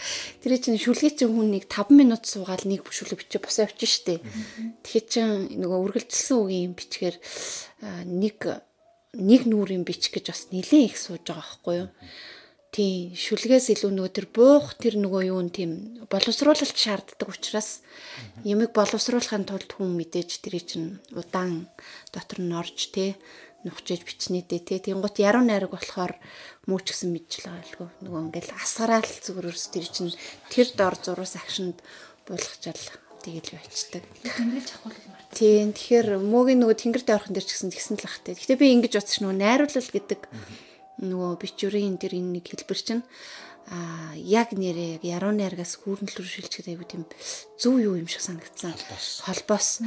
А өгүүлэг энэ төр шууд бичиг гэхээр биш дээ. Шууд зохиомж хийгээд бүх юм ингээд юм яв цав байх хэрэгтэй байхгүй. Яг юу бичих юм би ямар үдэл санаа бичих юм. Тэнгууд найруулалт арай илүү мэдрэмжээ ингээд чөлөөтөө асгаад бас тий. Одоо тэр гоё зураглалууд биш жишээн дээр бороо орж байгаа тэр намар нэг үхэр өвс хивээд явж байгаа ч юм уу тий. Хөвтөж байгаа. Тэр нарийн нарийн зураглалыг яруу найрагч жишээ нь тэр чигээр нь бичвэл бас нэг бодлын амар уйтгартай дүрслэл болоо хоёр чинь. А өгүүлэлт болохоор дан тийм сул зураглал өөрөө нөгөө үзэл санаа илэрхийлэхгүй. Тэгэхээр яг энэ хоёрын дунд тэр тэр хэлбэрийг буулгаж болох юм тэр чөлөөтэй хөрөг найруулал тэмдэглэл тиймэрхүү юм. Тэгэхээр муу аюу юм зөв ингэж а гоё ингээд нөгөө шууд шилжилтэш гоё зөөлнөр ингээд яг бичлэгийн хэлбэр болгоныг туршаад өөрийнхөө мэдрэмжийг хит хязгаарлахгүй гоё асгаад тэгсэрний тэр чинь нэг хүүрнэх дадлаа олж аваад надад тийг санагдсан шүү дээ. Тэгэхээр л яг аль энэ санааг ямар төрлөөр илэрхийлэх үү гэдэг тэргүй айгуу тийм би аль төрөлд илүү таарах уу? Тийм айгуух тий анзаарах. Бас өөрт бас нэг дуудлага байх бах тий аянда. Цаанаасаа нэг. Тийм цаанаасаа ер нь нэг ингээл биччихье гээл нэг үг чинь сайн нөгөө үг өөрөө юу гэдэг шиг үг бас өөрөө нэг тийм буух хэлбэрээ бас юм сонгож идэг гэж бас магадгүй тий. Тэнгууд зүгээр нам энэ юун дээр ботсон юм тэгэл ингээл одоо хөдөөгийн тэр амьдрал ах уу гэж марч 20 дугаар зуунд бас л их бичлээ шүү дээ ерөөсөө. Тий. Зохиолч болгоно л тийм. Тэгээд одоо бид нар яаж бичих вэ? Тэдний хараагүй өнцөг нь юу вэ? Аа. Аль сүлээ одоо яг хуу 70 80 60 70 80 оны хөдөөгийн амьдралаас одоогийн хөдөөгийн амьдрал гэсэн өөрчлөгдсөн байгаа шүү дээ. Тий. Тэгэн гут бид нар ингээд тэр үеийн 20 дугаар зууны ихэнх үеийн нэг ганц туссан тийм өвгнийг одоо ингэж яг тэднийхээ уншснаас ингэж бодоод бичээд байх юм бас өргөцөх шүү дээ. Орчин үеийн хөгжүүд орчин үеийн малчиж шал өөр болцсон хамаагүй өөр болцмаас өөрчлөгдөж байгаа. Тэр нэг Монголын хөдөөгийн тэр өөрчлөгдөж байгаа үйл явц. Тэгэхээр тэн дээр л их би энийг одоо ер нь яаж илэрхийлэх үү? Юуг юм бичих үү? гэдгээр их анхаарсан гэх юм уу. Одоо хуучин бол одоо ингээл даштарууга энтер бол ингээл бүгдийг нэр ингээ бичсэн юм шиг боловч одоо л ингээ хөдөө өөрчлөгдсөн байгаа хэрэг. Тэгээд энэ тхийн одоо байгаль цагуур юу н хүмүүсийг баясгаж юу н хүмүүсийг баярлуулж гонхлуулж яаж ин гэдэг юмыг л ярьсан юм да. Тэр найруулагч чинь юм хөл. Надад болохоор бас тэр дотор нь харсан найруулгуудыг, тэмдэглэлүүдийг уншихаар юу гэж бодоод байна гэхээр ингээд зохиогч нь өөрөө айгу нэг аван дээр гараад те гэрээ нэг ингэж харчаад нутаг усаа нэг ингэж сайхан ингэж тавьдаж харчаад нэг сайхан санаа алдчихад Тэгээд буцаад явах хэвээр замаараа явж байгаа ч юм шиг тийм хэсэг юм болов тийм ном юм болов тэгээ магадгүй нутг усны тухай дахин төрөх ном болвол бас л нэлээд удажиж гарах байх. Хэрвээ гарах бол тийм нэг тийм дуршимт чи ингээд соён шавхагчтай юм байл ингээд санагдаад байсан юм. Тийм бага наснаас нэг энд одоо ингээд авч ирсэн нэг тийм гомдол баярд энд нэг хуралцсан юм. Одоо миний сайн намаар ингээд гарсан юм шиг. Тэгээ би тэр энэ номыг нэг бичиж дуусаад яасан чинь гэр орнот дуусаа нэг санах болчихсон нэр сайн. Тэгээд нэг тийм энэ дотор байгаад бас нэг юмнуудыг ингээд илэрхийлсэн чинь надад илүү дотор ирж байгаа амар болсон. Юм тийм ба тий. Би хууч их их зурладаг байсан. Уртлын дурсамж энтертэй. Тэгээд ерөөсө бидэрт байгаа л юм ерөөсө ингээд дурсамж. Тэгээд одоо цаг гэхэр чи одоо хилэгдэхийн зуртал ингээд одоо цаг өнгөрч чи ирээдүй гэхэр бидэрт ирээдүйгээс яах байхгүй. Яг ирээдүйг яхаа төсөөлж болно гэхээс тэнд дотор бодтой юу байхгүй. Тэгэхээр ингээд дурсам тэгээд яг дурсам чи өнгөрсөнд яг ингээд юу болоод өнгөрчүү гэдэг айгу ингээд сон анзаараагүй ингээд өнгөрцөн. Тэгээд дурсам чи айгу дурсамжинд хүртэл ингээд цааштай бас ингээд амьдрал ингээд бидний туулаад өнгөрсөн амьдралд хүртэл ингээд цааштай амьдрал бас байгаад байгаа байхгүй. Дурсамжинд гэсэн үг шүү дээ мартагдах хэсэг нь мартагдж гин тодорх хэсэг нь тодорч гин тийм байгаагүй ч юм шиг ингээд санагдж байгаа үе байна. Тэгэхээр бид нар хэдийгээр туулаад өнгөрүүлсэн амьдралч гэлээ тэр амьдрал цаашаа бас нэг ингээд хувь заяа туулаад байгаа юм шиг санагдаад байгаа байхгүй. Ихэнх хэсэг нь тэгэд хүн гэдэг чинь ингээд яг ингээд нэг турсамж хүнийг ингээд бүтээгээд байна. А тэр турсамжийг зөвхөн хувь хүн өөрт байхгүй байна. Миний талаарх турсамж бямсранд байна, дээгийгчд байна. Тэгэд энэ бүхэн ингээд намайг ингээд бүрдүүлж байгаа юм шиг Аа тэгэн гут би ингээд айгүй олон хүний ой санаа нэгэд хуваагдсан тийм хүн байгаа хөөхгүй. Чиний ой санаанд байгаа хүнийг дээгч мэдэхгүй, дээгчийн он дотор байгаа юг чи мэдэхгүй ч юм уу. Тэгмээ тайрын он дотор байгаа би мэдэхгүй. Миний хийг тайр мэдэхгүй гэхээр яг энэ л би шүү гэж ингээд заахт айгүй тийм төвөгтөө. Тэнгууд өвөө эмээгийн дотор байсан би бол ингээд өвөө эмээтэй цог ингээд өгцөн байгаа хөөхгүй. Аа би ч хоёр өвөө хоёр эмээтэй байлаа шүү дээ. Тэнгууд тэр дөрвөн хүнтэй цог тэр дөрвөн хүний дотор байсан би ингээ байхгүй гэтэл а миний ой тон дотор байхгүй байсан ухаар хүртэл 4-5 насны амьдрал тэр дөрвөн хүмүүс дотор байсан баг. Ямар улаан илзраа юм унсыг хилдэ яаж орсон яаж мүлгсэн анх яа цагаалж ирж ирсэ те өгөх ингээ багтаа ямар хоо хөвгт байсан гэдэг нь надад одоо байхгүй. Би өөрийнхөө амьдралын эхний бараг 7 8 жилиг би ингээ мэдэхгүй.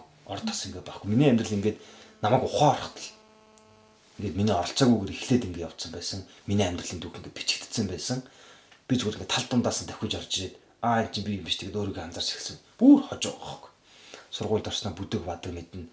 Тэгээд хэсэг тасарч байж байгаа нь 4 5 дугаар ангид байснаа ингээд мэднэ. Тэгэхээр миний амьдралын турсамжууд чинь надаас илүү өөр хүмүүст их байсан. Тэр хүмүүсийнхээ дотор ингээд тэр хүмүүс намд амьдарч дөрвчгдэж явсан гэх сони юм байна. Тэгээд одоо гэдэг өвөө мэттэй цуг Тэгээд одоо миний төрөл ойр тойр байсан хүмүүстэй зөв ихэнх нь ингээд яатсан. Тэгээд ихэр чинь турсамж юм гэдэг айгуу тийм сонио. Сонио. Тэр нэг 30 нас дөхөхөөр эргэл байдгүйгүй юу гэдэг чинь. Нэг хүмүүсийн одоо надад ч гэсэндээ тийш санагдаад байхгүй одоо нэвтрүүлгүүдээ хийхт ч юм уу эсвэл унших сонголт монголт энэ төр гэл хүмүүстэй харьцах харьцаа энэ төргээ бодоод ахаар дотор нэг 13-тай л бимба яваад байсан явж л байгаа л да одоо ч гэсэн. Гэхдээ ингээд нэг хүнтэй харьцах харьцаандаа ч юм уу ментлэх ай дандаа ч юм арай нэг буур суудаг ч юм уу эсвэл арай өөр өнцгөөс хардаг ч юм уу. Нэг эргэлт 30 наснд төхөөдгүйгүй юу? 30 төхөөд ирэхээр. Тий ер нь тийм нөө юу юм шиг санагддээ ш надаа яг бид нар одоо зарим нь харьцангуй эрт гэр бүл зохиогоод монголчууд ч бас тий эрт хүүхэд шухад гаргаад ингээ явцдаг юу байна. Гэхдээ нөгөө тэр хүртэл одоо ихэнхийнх нь аав ээж жишээ нь нэг 30 хүртэл юу н байж л эдэн штэ.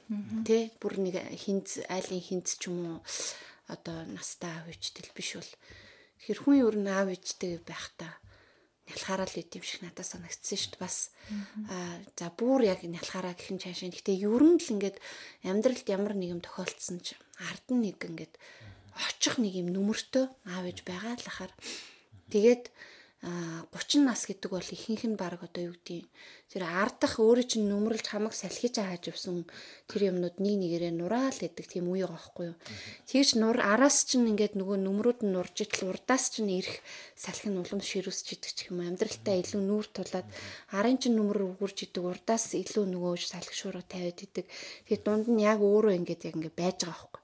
Тэгээд тэгээд зогсохгүй айгүй л чи өөрөө нүмер нь болсон нэг хүүхэд байж идэг ч юм уу те. Тэгээ яг нэг ийм юмны дунд ингээд байж яг тэр эн тэндээс ирж байгаа юмтай ингээд үнэхээр нүр тулдаг нас бол яг 30 нас юм шиг надад санагдсан шүү. Тийм.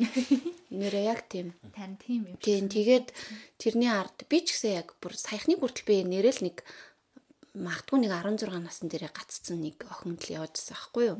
Тэгээ хүүхд мөхд гаргацсан заяа гэсэн мөртлөө тэгээ ингээм амьдраа яваад байгаа. Тэр шиг мөө сая нөгөө өөрийгөө 7 8 наснасаа э, гинт өө энэ би юм бэ гэж замын дундаас орж ирээд ингэсэн гэдэг шиг э, надад ч гэсэн тийг санагддээ шүү дээ. Одоо нэг 33 4-өөс урагших нас бол ерөөхдөө л нэг юм би өөрөө амьдраатайгаа боловч амьдралаа бүрэн ингээд авч яваад амьдралдаа бүрэн оролцоогүй юм шиг өөрийнхөө амьдралд би өөрөө сайн оролцоогүй юм шиг юм санагдаад идэх байхгүй. Тэгэн гут а сүүлийн хэдэн жил дотор яг би бас яг гинт өөрийгөө өө эн чин би юм биш тий.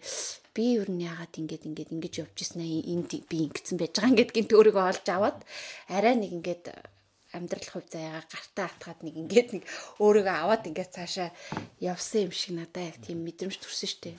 Нэг нэг ямар нэг нүд байж байгаад ингээд унтцсан байж байгаад нэг жоохон нийгдээд ингээд нэг юмыг харах сөхөтөгөө болсон юм шиг санагдчихсэн. Тэгэхээр надад яг тийм өнгөрсөн цаг хугацаа тийм хайрын санагдаад байт юм аа.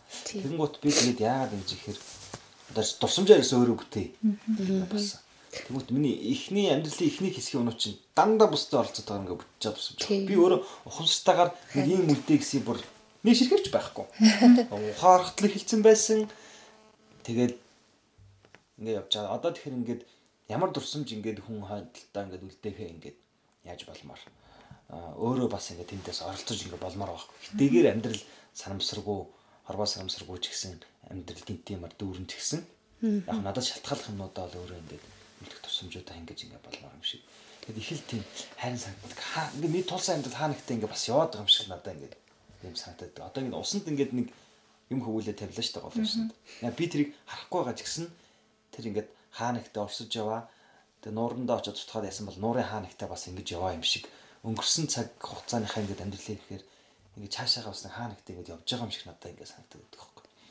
Тэгэл ер нь тэр юмнаас л үүдсэн тиймэрхүү ном юм уу да. Тэр дөрхөн дуулж яваа. Өнгөрсөн цагийг бас нэг цэгцлэх асуудал хүнд байдгүйгүй юу? Ингээд өнгөрснөө хүн өөрөө сайн одоо за бүр яв цав тодорхойлох нь шин. Ер нь нэг өнгөрснөө хүн бас нэг харчаад яг өнгөрсөнтэйгөө зууралтахгүйгээр ер нь нэг цэгэнчээ цаашаа явахад энэ бичгийн хүмүүсийн тэр юу айгуу чухал. Хараа өнгөрснөө цэгцлэхгүй байгаад хар надад энэ өнөөдөртөө би бас нэг юм арай дутуу дундуур ингээд нэг өнгөрснөө би нэг цэгцэлжэл да бодол дотор очоод ингээд засах боломжгүй ч гэсэн а за за өнгөрсөнд яг нэг ийм ийм юм болсон юм байна. Ингиж ингиж ирээд би нэг өнөөдөрт ирсэн юм байна.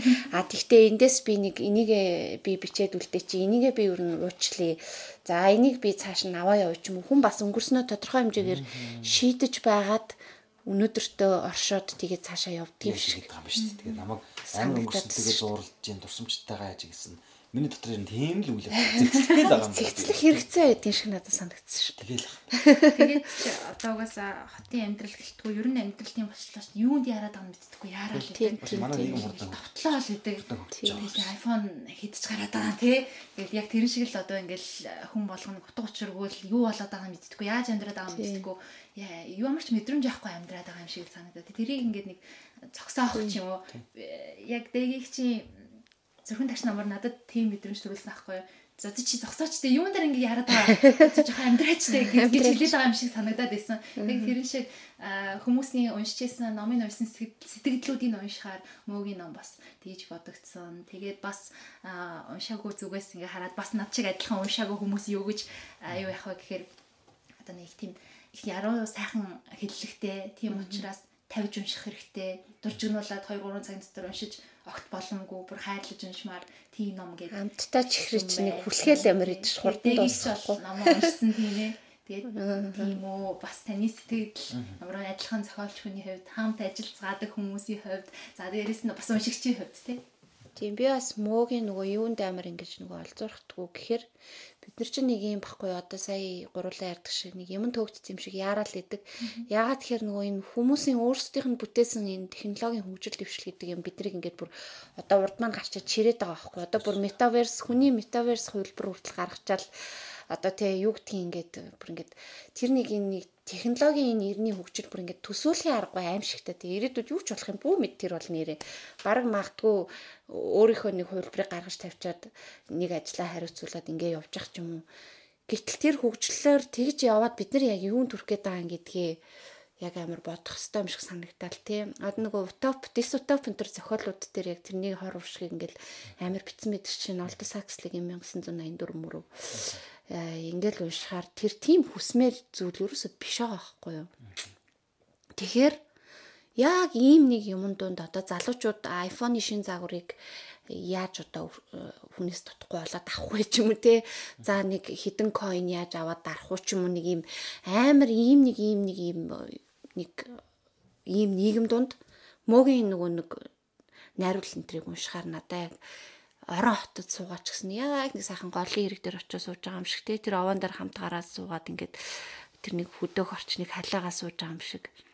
Яа тэгвэл биднэрт нэг тийм сэтгэлийн амар хамгаалан орчин ингээ үнэхээр дутагдаад тэгээ тэрийг өгүүлдэг хэрнээл бид нар өгөөсгөлтэй л тэр юусоо чухал ш. За маргаашийн амьдрал хоногийн хоол цалин мөнгө гэл ингээл өөрөө ирэхгүй нийгмийнхаа энэ эрэг шург болол ингээ яваад байгаа. Тэгэхээр яг уран зохиолд нэг тэр боломжийг хүнд өгдөгөлтөө нөгөө өөртөөгөө байх боломжийг хүнд нөгөө өөртөөгөө байх гэдэг амар чухал байгаа хгүй. Бид нар чи өөртөөгөө ч байхсхөөгүй өрөөлийг хараал хөөх тэр iPhone 13 12 барьч одоо би ингэхгүй болохгүй ч юм уу те. Өө тэр тийм амжилтанд хүрчиж би нэг яг дутаад байна гэл өөрөө ирэхгүй бид нар тэгдэг штэ. Тэгэхээр тэрэн дундаас нэг амсгийх боломжийг уран зохиол өгөөд идэг. Тэгэд ялангуяа ингээд манай үеийн залуучууд ингээ харахаар бид нар шин байх гал орчин үеийн нөгөө орчуулгын гой гой уран зохиол уншицсан. Тэгэл өөрсдийгөө голлол тийм л төвшний юм бичихгүй бол баг бичихгүй ч гэдэг юм уу те. Тэгэхэд мөө болохоор огт тийм гадагшаа адгалт байхгүй харин барагчгүй эргээд ингээд одоо над мадаас ингээд өчнөн дүү гэхэд л ингээд яг нэг юм хөдөөний нэг өтөл өвгний юм сүнс байгаа ч юм шиг мөд те.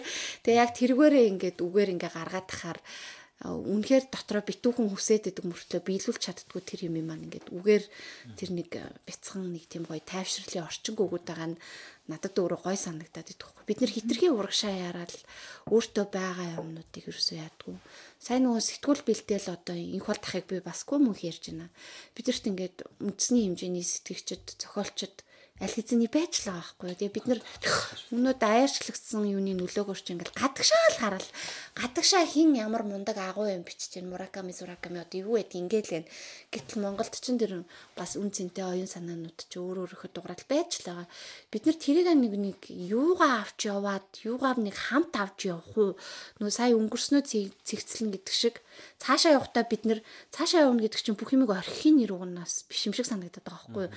Цаашаа явахдаа харин юутай явах уу гэхээр чинь юугаа авч явах уу гэхээр бид нар ярих хэрэгтэй байхгүй. Тэгэхээр бид нар цаг үедээ хүл нийлүүлэх нь зөв бид нар мэдээж те тэр технологийн дэвшлиг улс орныхоо хөгжилд яаж ашиглаж болохоор нь ашиглах л ёстой.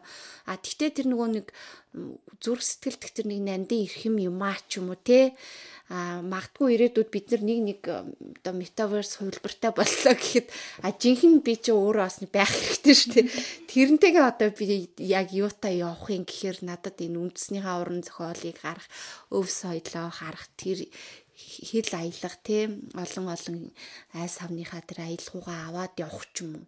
Юутай байж цаашаа явах юм. Тэгэхгүй бол эн чинь тэр хавтгаа дэлхий дээр чинь ямар ч ялгаралгүй нэг л их юм техник чирсэн робот чсэн тэрний чи яг тэгж яваад гол нь яг юм төрөх гээд байгаа гэдэг нь аягүй сонирн байхгүй. Тэгсэн бидний амьдрал чинь ингээл тэр нэг за нэг дунджаар нэг 70 жил үргэлжлээд дууссан шүү дээ тий. Тий.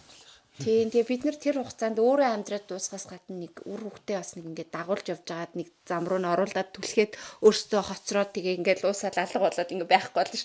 Тэгэхээр тэр донд юугаа авч яваад цааш нь ингээд бас дамжуулах юм гэдэг амар чухал юм шиг санагдаад тэрэн донд хэл амар чухал би л одоо амар бүрд нэг тийм хэл дээр бүр нэг юм амар одоо бүр нөгөө үнцэрхэг хит үнцэрхэг гэдэг шиг хилэн дээр бас жоохон нэг тиймэрхүү үзэл надад сухалцаа л гэдэг л хилээ бол бид нар яадаг ч гэсэн нэг бичээд явж байгаа орчуулгыг явж байгаа өөрсдөө бичих гээд байгаа хүмүүс ингээд тодорхой хэмжээгээр үүргээ биелүүлээд авах ёстой юм а бидээ наагаал ёстой ингээд ахсаал явж хахаас өөр аргагүй л гэж бодогдоод идэв шиг. Яг бүр монгол хэл сурыг бүр эхнээсээ сурыг А Б-гээс залгыг гэж хүртэл надад бодогдсон. Нөгөөд болохоор тийг сурыг гэж бодохын зовлонгүй ингээд өөрт нь байж байгаа байхгүй. Тэр нэг айгу гоё. Тэгээд наавс. Ботороос бас л та хоёр ярьжсэн баха. Би одоо нөгөө нэг яг үлдэх хөгийн өмнөх подкастуудыг сонсоор яж бод ингээд дотор ба нэрч мараад байна л та. Тэгээд тэрэн дээр ярьжсэн нөгөө нүүдэлчин соёл гэдэг чи өөрөө ямар чухал юм бэ? Тэр ах уу энэ сайхан хэллийг ургуулan гаргасан тэр ах уу ямар чухал юм бэ? Тэр олон хөгшөд өвгдийн тэ зүгээр тэ согтуудаа ярьсан яриан хүртэл ямар үнэтэй цэнтэй юм бэ? гэд ярьж байгаа. Тэгээд тэрнээсээ далимдуулаад ингээд шалтгаалаад өргөжлүүлээд ингээд ярих юм бол ерөөсөө одоо буцаад энэ бол мод тренд тий. яг тийм байхгүй юу? Тий. Гацны нүхч үлдээхгүйгээр тэгж явдаг тийм эко соёл тийм өв байхгүй гэд бас нэг муу ярьж исэн. Тэр тэр болгоныг л эргээд нэг сөхөх боломж олгосон ном юм байна гэсэн тийм хар авсан. Тий. Их урам авлаа харин би бүр нариул юм ахиж бас нэг иймэрхүү угаар бүр төгөлдөржүүл цаашаа аж бичмээр санагдчихэв Энд тийм тал бата тэгээд одоо илүү бүр тэгж илүү тийм үн зөвөр нь л хармаар санагч хөдөөнийхөө юг бид нар ингээл бид нар ер нь хөдөөний соёл агуу энэ хөдөөний хөгшөд та ухаантай мундаг гэдэг бас айгуу тийм эргэлзээтэй. Айгуу буруу өрөөсгөлдөг юм шиг надад санагдав. Хуучин одоо яах тас тэгээд хөдөөнийхөө тэр малчтай бодлоо муулцуулаад тэгээд үн зөвөр бичиж болдгоо байсан байлгүй дээ бодлоо нэг э, намдгийн төмөр хоёг гоотой уулзаад ижсэн. Яриа bijсэн чи нэг юу яагаад. Тохон уранхаа ирээн цамцныхаа товчийг нь зөрүүлээд өмсч гисэн гэлээгээд нэг тэгээ бөви гэлөө тэр дундаа тэгээ дуулаа тэр дуу ингээд хоригдсон гинэ. Тэгээ юу бас гэсэн чи социалист орны хүүхдийг тохон уранхаа цамцтай гэж дууллаа гэд. Ааха. Тэгээд ятсан гэдэг шиг тиймэрхүү юунаас болоод бид нар заавал нэг сайн сайхнаар ингэж харуулах гэсэн юу их аа шал шаардлага гэх юм тийм хүн их байснаас жоохон ингээд үннээсээ жоохон төөрцөн одоо бол бичгэд бол тэр яг үнээр бичих хэрэгчлээ одоо биднэрт бол ингээд энэ ардчлалын буй нар гэх юм угаар ирсэн. Тэр эргэж зөв харах хэрэгтэй байна. Тэгмээд бид нар яг ингээд социалист зохиолчлоо ч гэсэн юугаар гэсэн социалист үеийн тэрийг үнэлэмж дүнэлтэр тэр тавьсан дүнгээр одоо ингээд бодож яваад байхгүй. Эргэж ахаад яг юу болчих вэ эргэж сайн хармаар ахиж өөр үнцэг юм уу ямар л юм шиг. Тэгэхээр би өдөөнийхөө тэр юм уу гэж заах юм.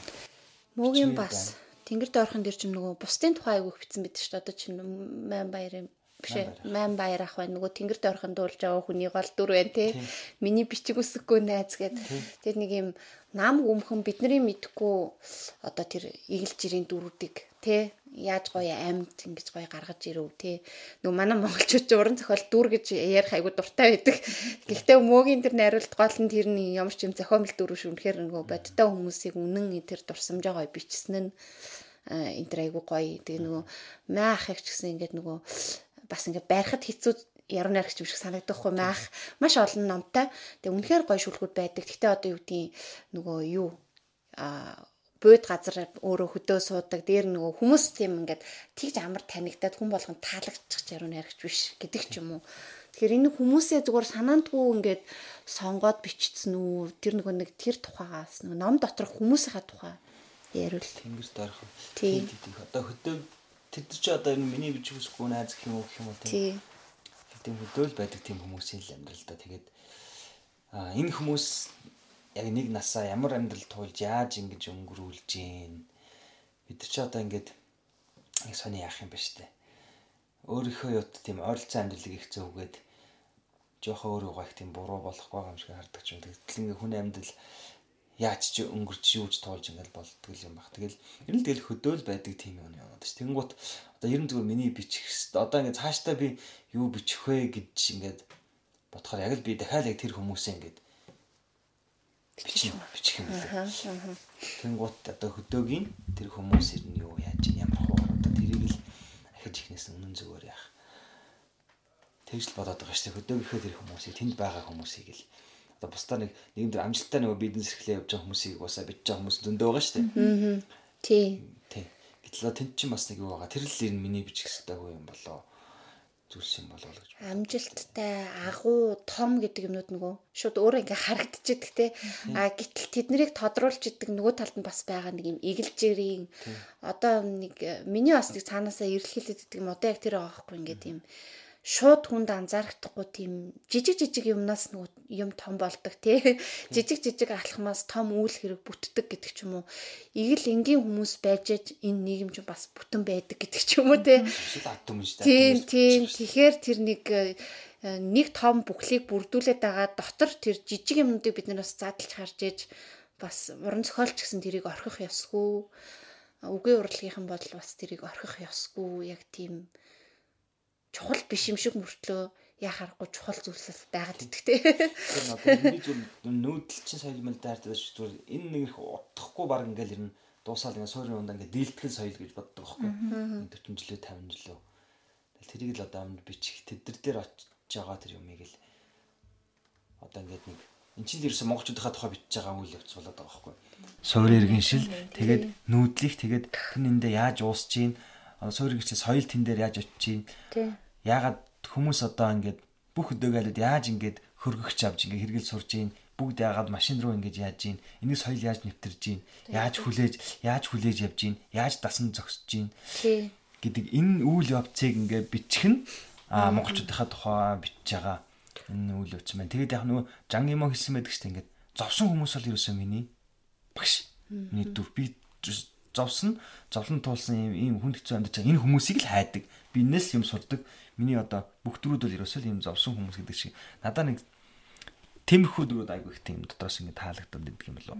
А тэгээ ман баярах гэж сайн ярьсан. Ман баярах бол яахгүй миний тийм дуртай. Яруу нарагч миний тийм хайртай. Тэмхүү юм болсон доо. Уран зохиолч нөгөө цаг үеэ яг бас авч үлдчих байхгүй бол би ингэж боддог байхгүй. Яагаад нөгөө үзэл суртлын нэг 60 70 жилд чинь уран зохиолч өөрөө үзэг барьсан хүн өөрөө эргчүүлэлтөө бичдэггүй байсан. Үзгийн цаанаас нь нэг том гар чиглэлдэг байсан те. Тэгэхээр тэнд нөгөө яг юм үнэн юм үнэн эмзэглэлээ ч юм уу бичээд айгүй хэцүү. Тэгэл бодохоор тэр хугацаанд уран зохиол гэдэг чинь бидний түүхээс тэдийн хэмжээний юм алдар санал гэсэн үг байхгүй юу бас. Тэгэхээр нөгөө уран зохиолын нэг үнц нь юундаа идэв гэхээр а зөвхөн түүх түүхийг л өгүүлдэг юм биш. Уран зохиолоос нөгөө түүхийг авч үлддэг. Ард түмнийхаа түүхийг аваад үлдчихдэг. Тэгэхээр бид нарт тийм алдагдсан цаг хугацаа яг байгаа гэж би боддог шүү дээ. Яруу найрагч тэр хүрнэлт ч тэр бүх юм нь хэв шинжт те дүр нь хэв шинжит үйл байдал бүх юм нь ингээд өмнөөс нөхцөлдүүлсэн хэв шинжтэр тодорхой нэг чиглүүлгийн дор тэгээ тодорхой нэг том аппаратад таалагдах гэж бичиж байгаа болохоор тэнд ингээд хүн үннээрээ байх боломжгүй. Тэр хэрээр бидний түүх ч гэсэн ингээд амар гоо сарнаад жирийн түүх маань бол сарнцсан байхгүй. Тэгэхээр одоо бид нэр эргээд тэрлүү яг энэ зохиолч нэг цаг үеийн дууч гэдгийг ингэж мэдэж бас нэг тийм ухамсар хүнд байхгүй. Зүгээр л зөвхөн би дуртай юм ал бичин ч юм уу. Уран зохиол ингээд нэг ямар нэг үүрэггүй зориггүй ингэхтийг албагүй гэсэн тодорхойлт байдаг л да. Одоо чинь уран зохиол сургууль хүмүүжүүл үүрэггүй ч юм уу те. Уран зохиол бол хэлний хувьд ямар нэг хүлээсэн үүрэггүй гэсэн тийм чөлөөт үзэл байдаг ч гэсэн а бидний шиг жижиг үндэстний ч юм уу зохиолчдод бол яалтчгүй тийм үүрэг байх хэрэгтэй юм шиг надад санагдаад. Тэгээ ялангуяа одоогийн ингээд амар Америкч Америкчлагдсан өрнөжсөн тий бас нэг юм соёлын загварчлалд орсон үед болохоор биднэрт бүр тэр нэг зохиолчийн тэр үзэг нь яг зайлшгүй нэг тийм үүргийг хүлээх хэрэгтэй юм шиг надад санагдаад байдаг байхгүй. Аа хинхэх юм шиг. Үй үй нөгөөт чи ингээл хинхэлдэг шүү дээ тэгээд би бас яг тэгдэг шүү тийм үзэл яг байгаад. Яг ян яг болмоор санагддаг байхгүй би дотроо. Аа ингэж боддог юм шүү яг ингээд мой болмоор санагддаг байхгүй ингээд яг дэгч сайн яг тийм алдагдсан цаг надад ингээд мэдрэгдээд байдаг байхгүй. тэгээд бид нэг гой уулцсан ингээд нэг гой уулцсан түүхээр нэг арай нэг тийм бур яг тийм байгаагүй юм байна гэдг нь одоо ингээд мэдэгдээд байгаа. Гэхдээ бид нар тийм гээд итгүүлсэн байсан. Тэгээд айгүй сонь ингээд яг ингээд нэг угаагцсан нөгөө тархин тархиа ингээд угаалгасан ингээд одоо ингээд мэдрэгдээд идэх хөөх. Тэгээд бүх юм ингээд гажцсан юм байна. Ийм биш үсэн юм байна гэж одоо монголчуудыг одоо эргэж ингэж харж байгаа хөөх. Үгүй лам нар чи яг ийм байгаагүй юм байна. Тий. Тэ? Яг нөгөө сэрэлтэх нүнээр гараад байгаа шиг ийм байгаагүй юм байна.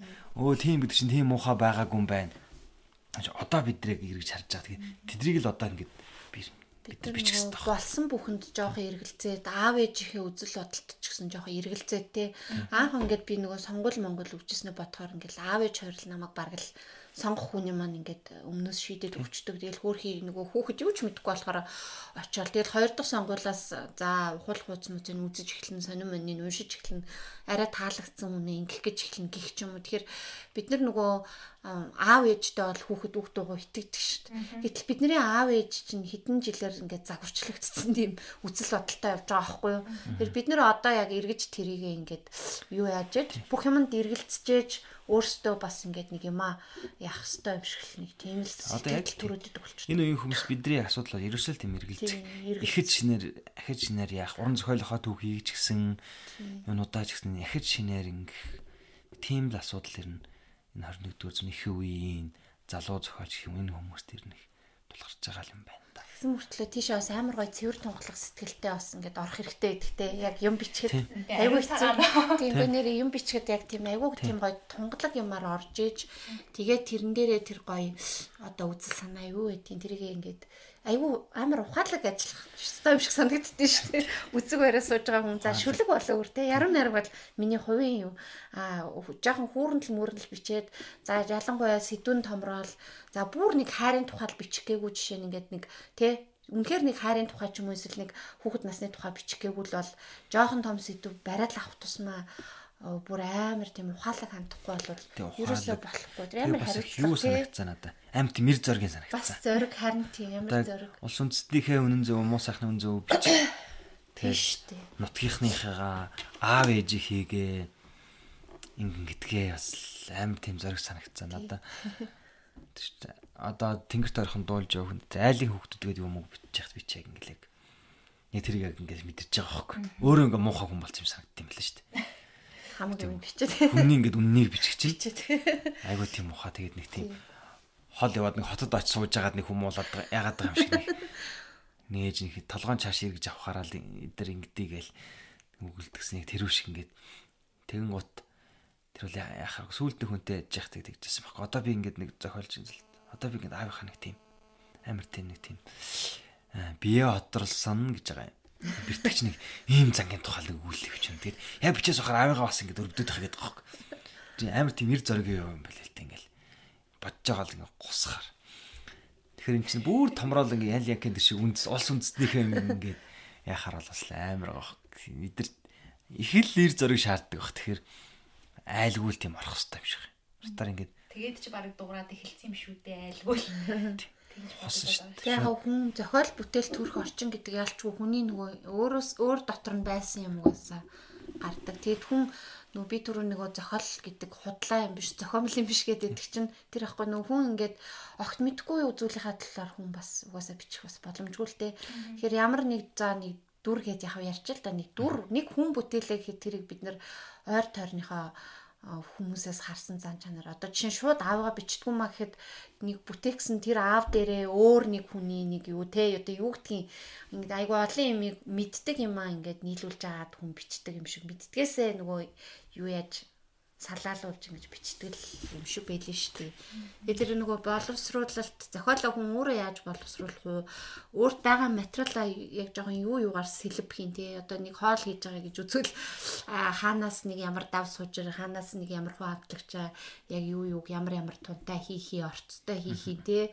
Тэгээ би өөрөө тэрийг яаж үнэхээр бодтой хүнийг биччих гээд байгаа бол тэрийгээ би яаж одоо ингэж сайхан өнгөлж зүйлгээд өөр тийш нь уруулах юм те өөр дүрээр гаргах юм ч юм уу энэ чинь бас амар тийм нарийн нөгөө юуны ажил болол явчих юм л тийм. Тэгээ улам л одоо ингээд хүнд болоод эхэлж шүү ирнэ. Шүлэг юм уу бичих ингээд одоо юу гэж эргэлж чинь гэхээр за би одоо ийм бич ингээд авьяастай байсан юм байж.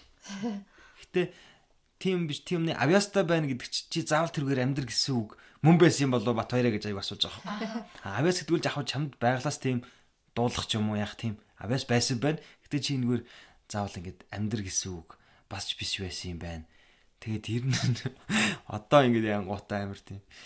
Ер нь би одоо ингэх юм уу гэж юмгээд их амар тийм хүнд хүнд л санагддаг одоо бол шүлэг мүлэг чи одоо ямар ч амир хэцүү ч юу байсан. Магадгүй зарим бичиж төрдөг хүмүүс яг тэн дээрээ яг тэр үе дээрээ зогсон гутаа шал өөр ажил мэрэлтэй болоод ч юм уу гинт өөр юм хийгээ явцдаг байх тий. Тэгж хаяа хаяа эргэлзээ төрдөг шүү. Гэтэ одоо бол нэг яахгүй л та одоо бүгдийг бичнэ. Алаа. Будаа хинлэгч бодож байгаа шүү. Одоо сүүлийн үед тагтаанууд юун дээр юун дээр төлөвлөж ажиллаж байна? Ямар ном энэ 2022 онд гарах уу тийм ээ. Тэгээд бас энэ одоо энэ хавар гарна гэлөө сая сүүлийн орчуулга. Дэн цохон гарна тий. Одоо хэзээ мэдүүл гарна. Аа сая сүүлийн үеийн сонин сайхнаас хэлбэлээ бас хаалцаад бид нар өнөөдрийнхөө юу гүндэл. За тэгье. За муу яг би ярих уу? За хоёул хуваагаал хийчих. За. За ямар ч гэсэн тагтаа дэн цохон гарна. Үлэлт минь тагтаа сэтгүүл маань гарна. Сарнаа нэр гарна. За миний мэдж байгаа их нь гарах номнууд нь бол юм байна. Яг нь энэ хавар нөгөө өнгөрсөн 2 жил чинь нөгөө ковид бас яагаад нөгөө байнгын ингээд тогтмол ингээд нөгөө ажиллаа нөгөө жигд явуулахад бас жоохон бэрхэл байлаа л да. Яг хэдий бичгийн ажлыг хаанаас ч хийж болох ч гэсэн нөгөө бид нар чи яг нэг уралдантай болоод сайхан тэндээ суугаад ажиллах гэхээр жоохон жоохон саадууд гарч байгаа л одоо л жигдэрж штэ яг сүүлийн өнгөрсөн хавраас хойшоо жигдэрж байгаа юм уу. Тэгэд нөгөө ярьжсанараа тагтаар ревюгийнхаа анхны дугаарыг гаргацсан байгаа. Тэгэл араас нь тэр сэтгүүлийн манд дугаарууд гараад явна. Энэ сэтгүүл дээр нөгөө тогтоод хэлэхэд энэ сэтгүүлийг бол ингээд айл болох гаргаа явах юмсан гэж яг үнэхээр хүсэж байгаа байхгүй яа тэгэхээр ийм юм бэлээ. Бид нар ингээ яг хуу дор бүрний зохиол бүтээл бичээл ингээл залуучууд явж байгаа ч гэсэн залуучууд ч гэлтгүй одоо дээд үеийн одоо мөнгө үеийн гэж ярьдаг тий ах эгч нар 90-ад оны ах эгч нар маань бас яг ийд ингээд дөрвтэй бүтээлүүд рүү орж эхэлж штэ. Тэр хүн ганцхан бүтээлээ нөгөө ном болгоод боогод тавхаас илүү нэг мэрэгжлийн сэтгүүлийн редакц гэдэг аягүй чухал юм байна гэдгийг ойлгосон. Яа тэгэхээр тэнд хүн бүтээлээ нөгөө мэрэгжлийн сэтгүүлд бүтээлээ нийтлүүлнэ гэдэг нөгөө шинжлэх ухааны том том нөгөө нэг юута сэтгүүлд бүтээлээ гаргаж иж одоо жишээ нөгөө мэрэгжлийнхаа хүрээнд хүлэн зөвшөөрөгдөгчтэй эрдэмтэд докторууд судлаачтэй яг тэрэн шиг уран зохиолт ч гэсэн нэг тийм талбар байж иж хүмүүс бас тэн дээр нөгөө бүтээл нь ингээд гарч вэж бас те тэргээрээ дамжуулж уншигчтай уулздаг залуучууд нь болохоор нэг редакцийн шалгуурыг бас хангачих юм бол өө би нэг юм хийж чадах юм байх шүү гэсэн бас нэг ихтгэл олох те а энэ бид нар нэг мундагтай биш. Зүгээр манад угаасаа тэр орон зай байхгүй. А залуучууд бүтээлээ нийтлүүлэх талбар айгүй хомс. Хүн болгон номоо хэвлүүлэх боломж хомс. Тэгэхээр нөгөө цаг тухай бүр шин шин бүтээлийг хүмүүст хүргэх. Хүмүүс яг одоо юу хийж байгаа гэдгийг харуулах. Тэгээ бид нар өөрсдөө ч гэсэн ингээд сэтгүүлдээ юм хийн гингүүт юм түлхүүрдээ даахгүй бид нарыг.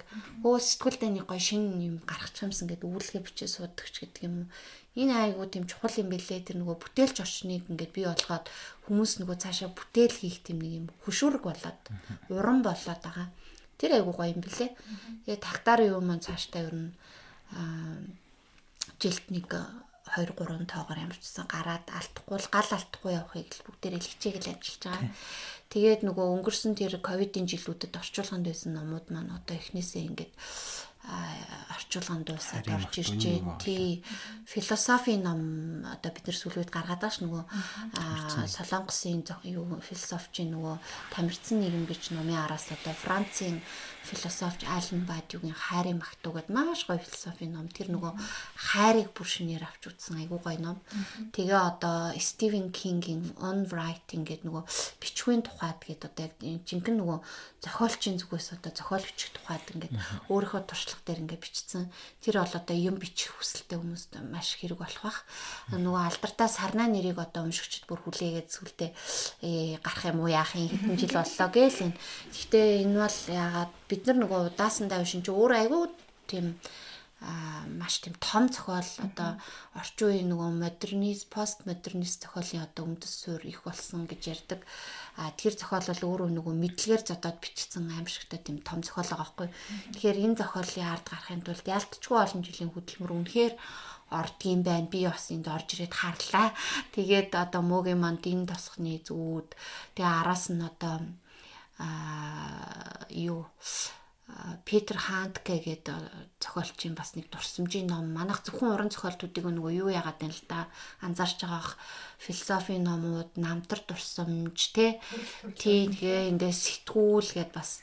Энэ нь тэгтээ дандаа цэвэр уран зохиолын сайн хурс суур одоо юу гэх юм? Уран зохиол хөгжих, уран зохиол сууртай тэр бусад урлаг хөгжөхөд бас тодорхой хэмжээгээр хувь нэмэр болох болов л гэж найдаад байгаа. Тэгвэл яг надад нэг тийм уншигчдын тал юм шиг тавхимл юм шиг санагдсан. Ингээд урдаа тавьчихад л англи хэлний одоо тавьчихыг эргүүлдэг шиг л ухаан цаг үе нийгэмдээ яаж амьдрах тухай нэг хэсэгтэй. Тэгээд бас шинэ уран бүтээлч те шинэ одоо уран зохиолын ертөнцид юу болж байгаа тухай шинэ сонинтой. Тий. Гэл ер нь их тийм хэлэг санаа ихтэй Тийч санагдсан шүү.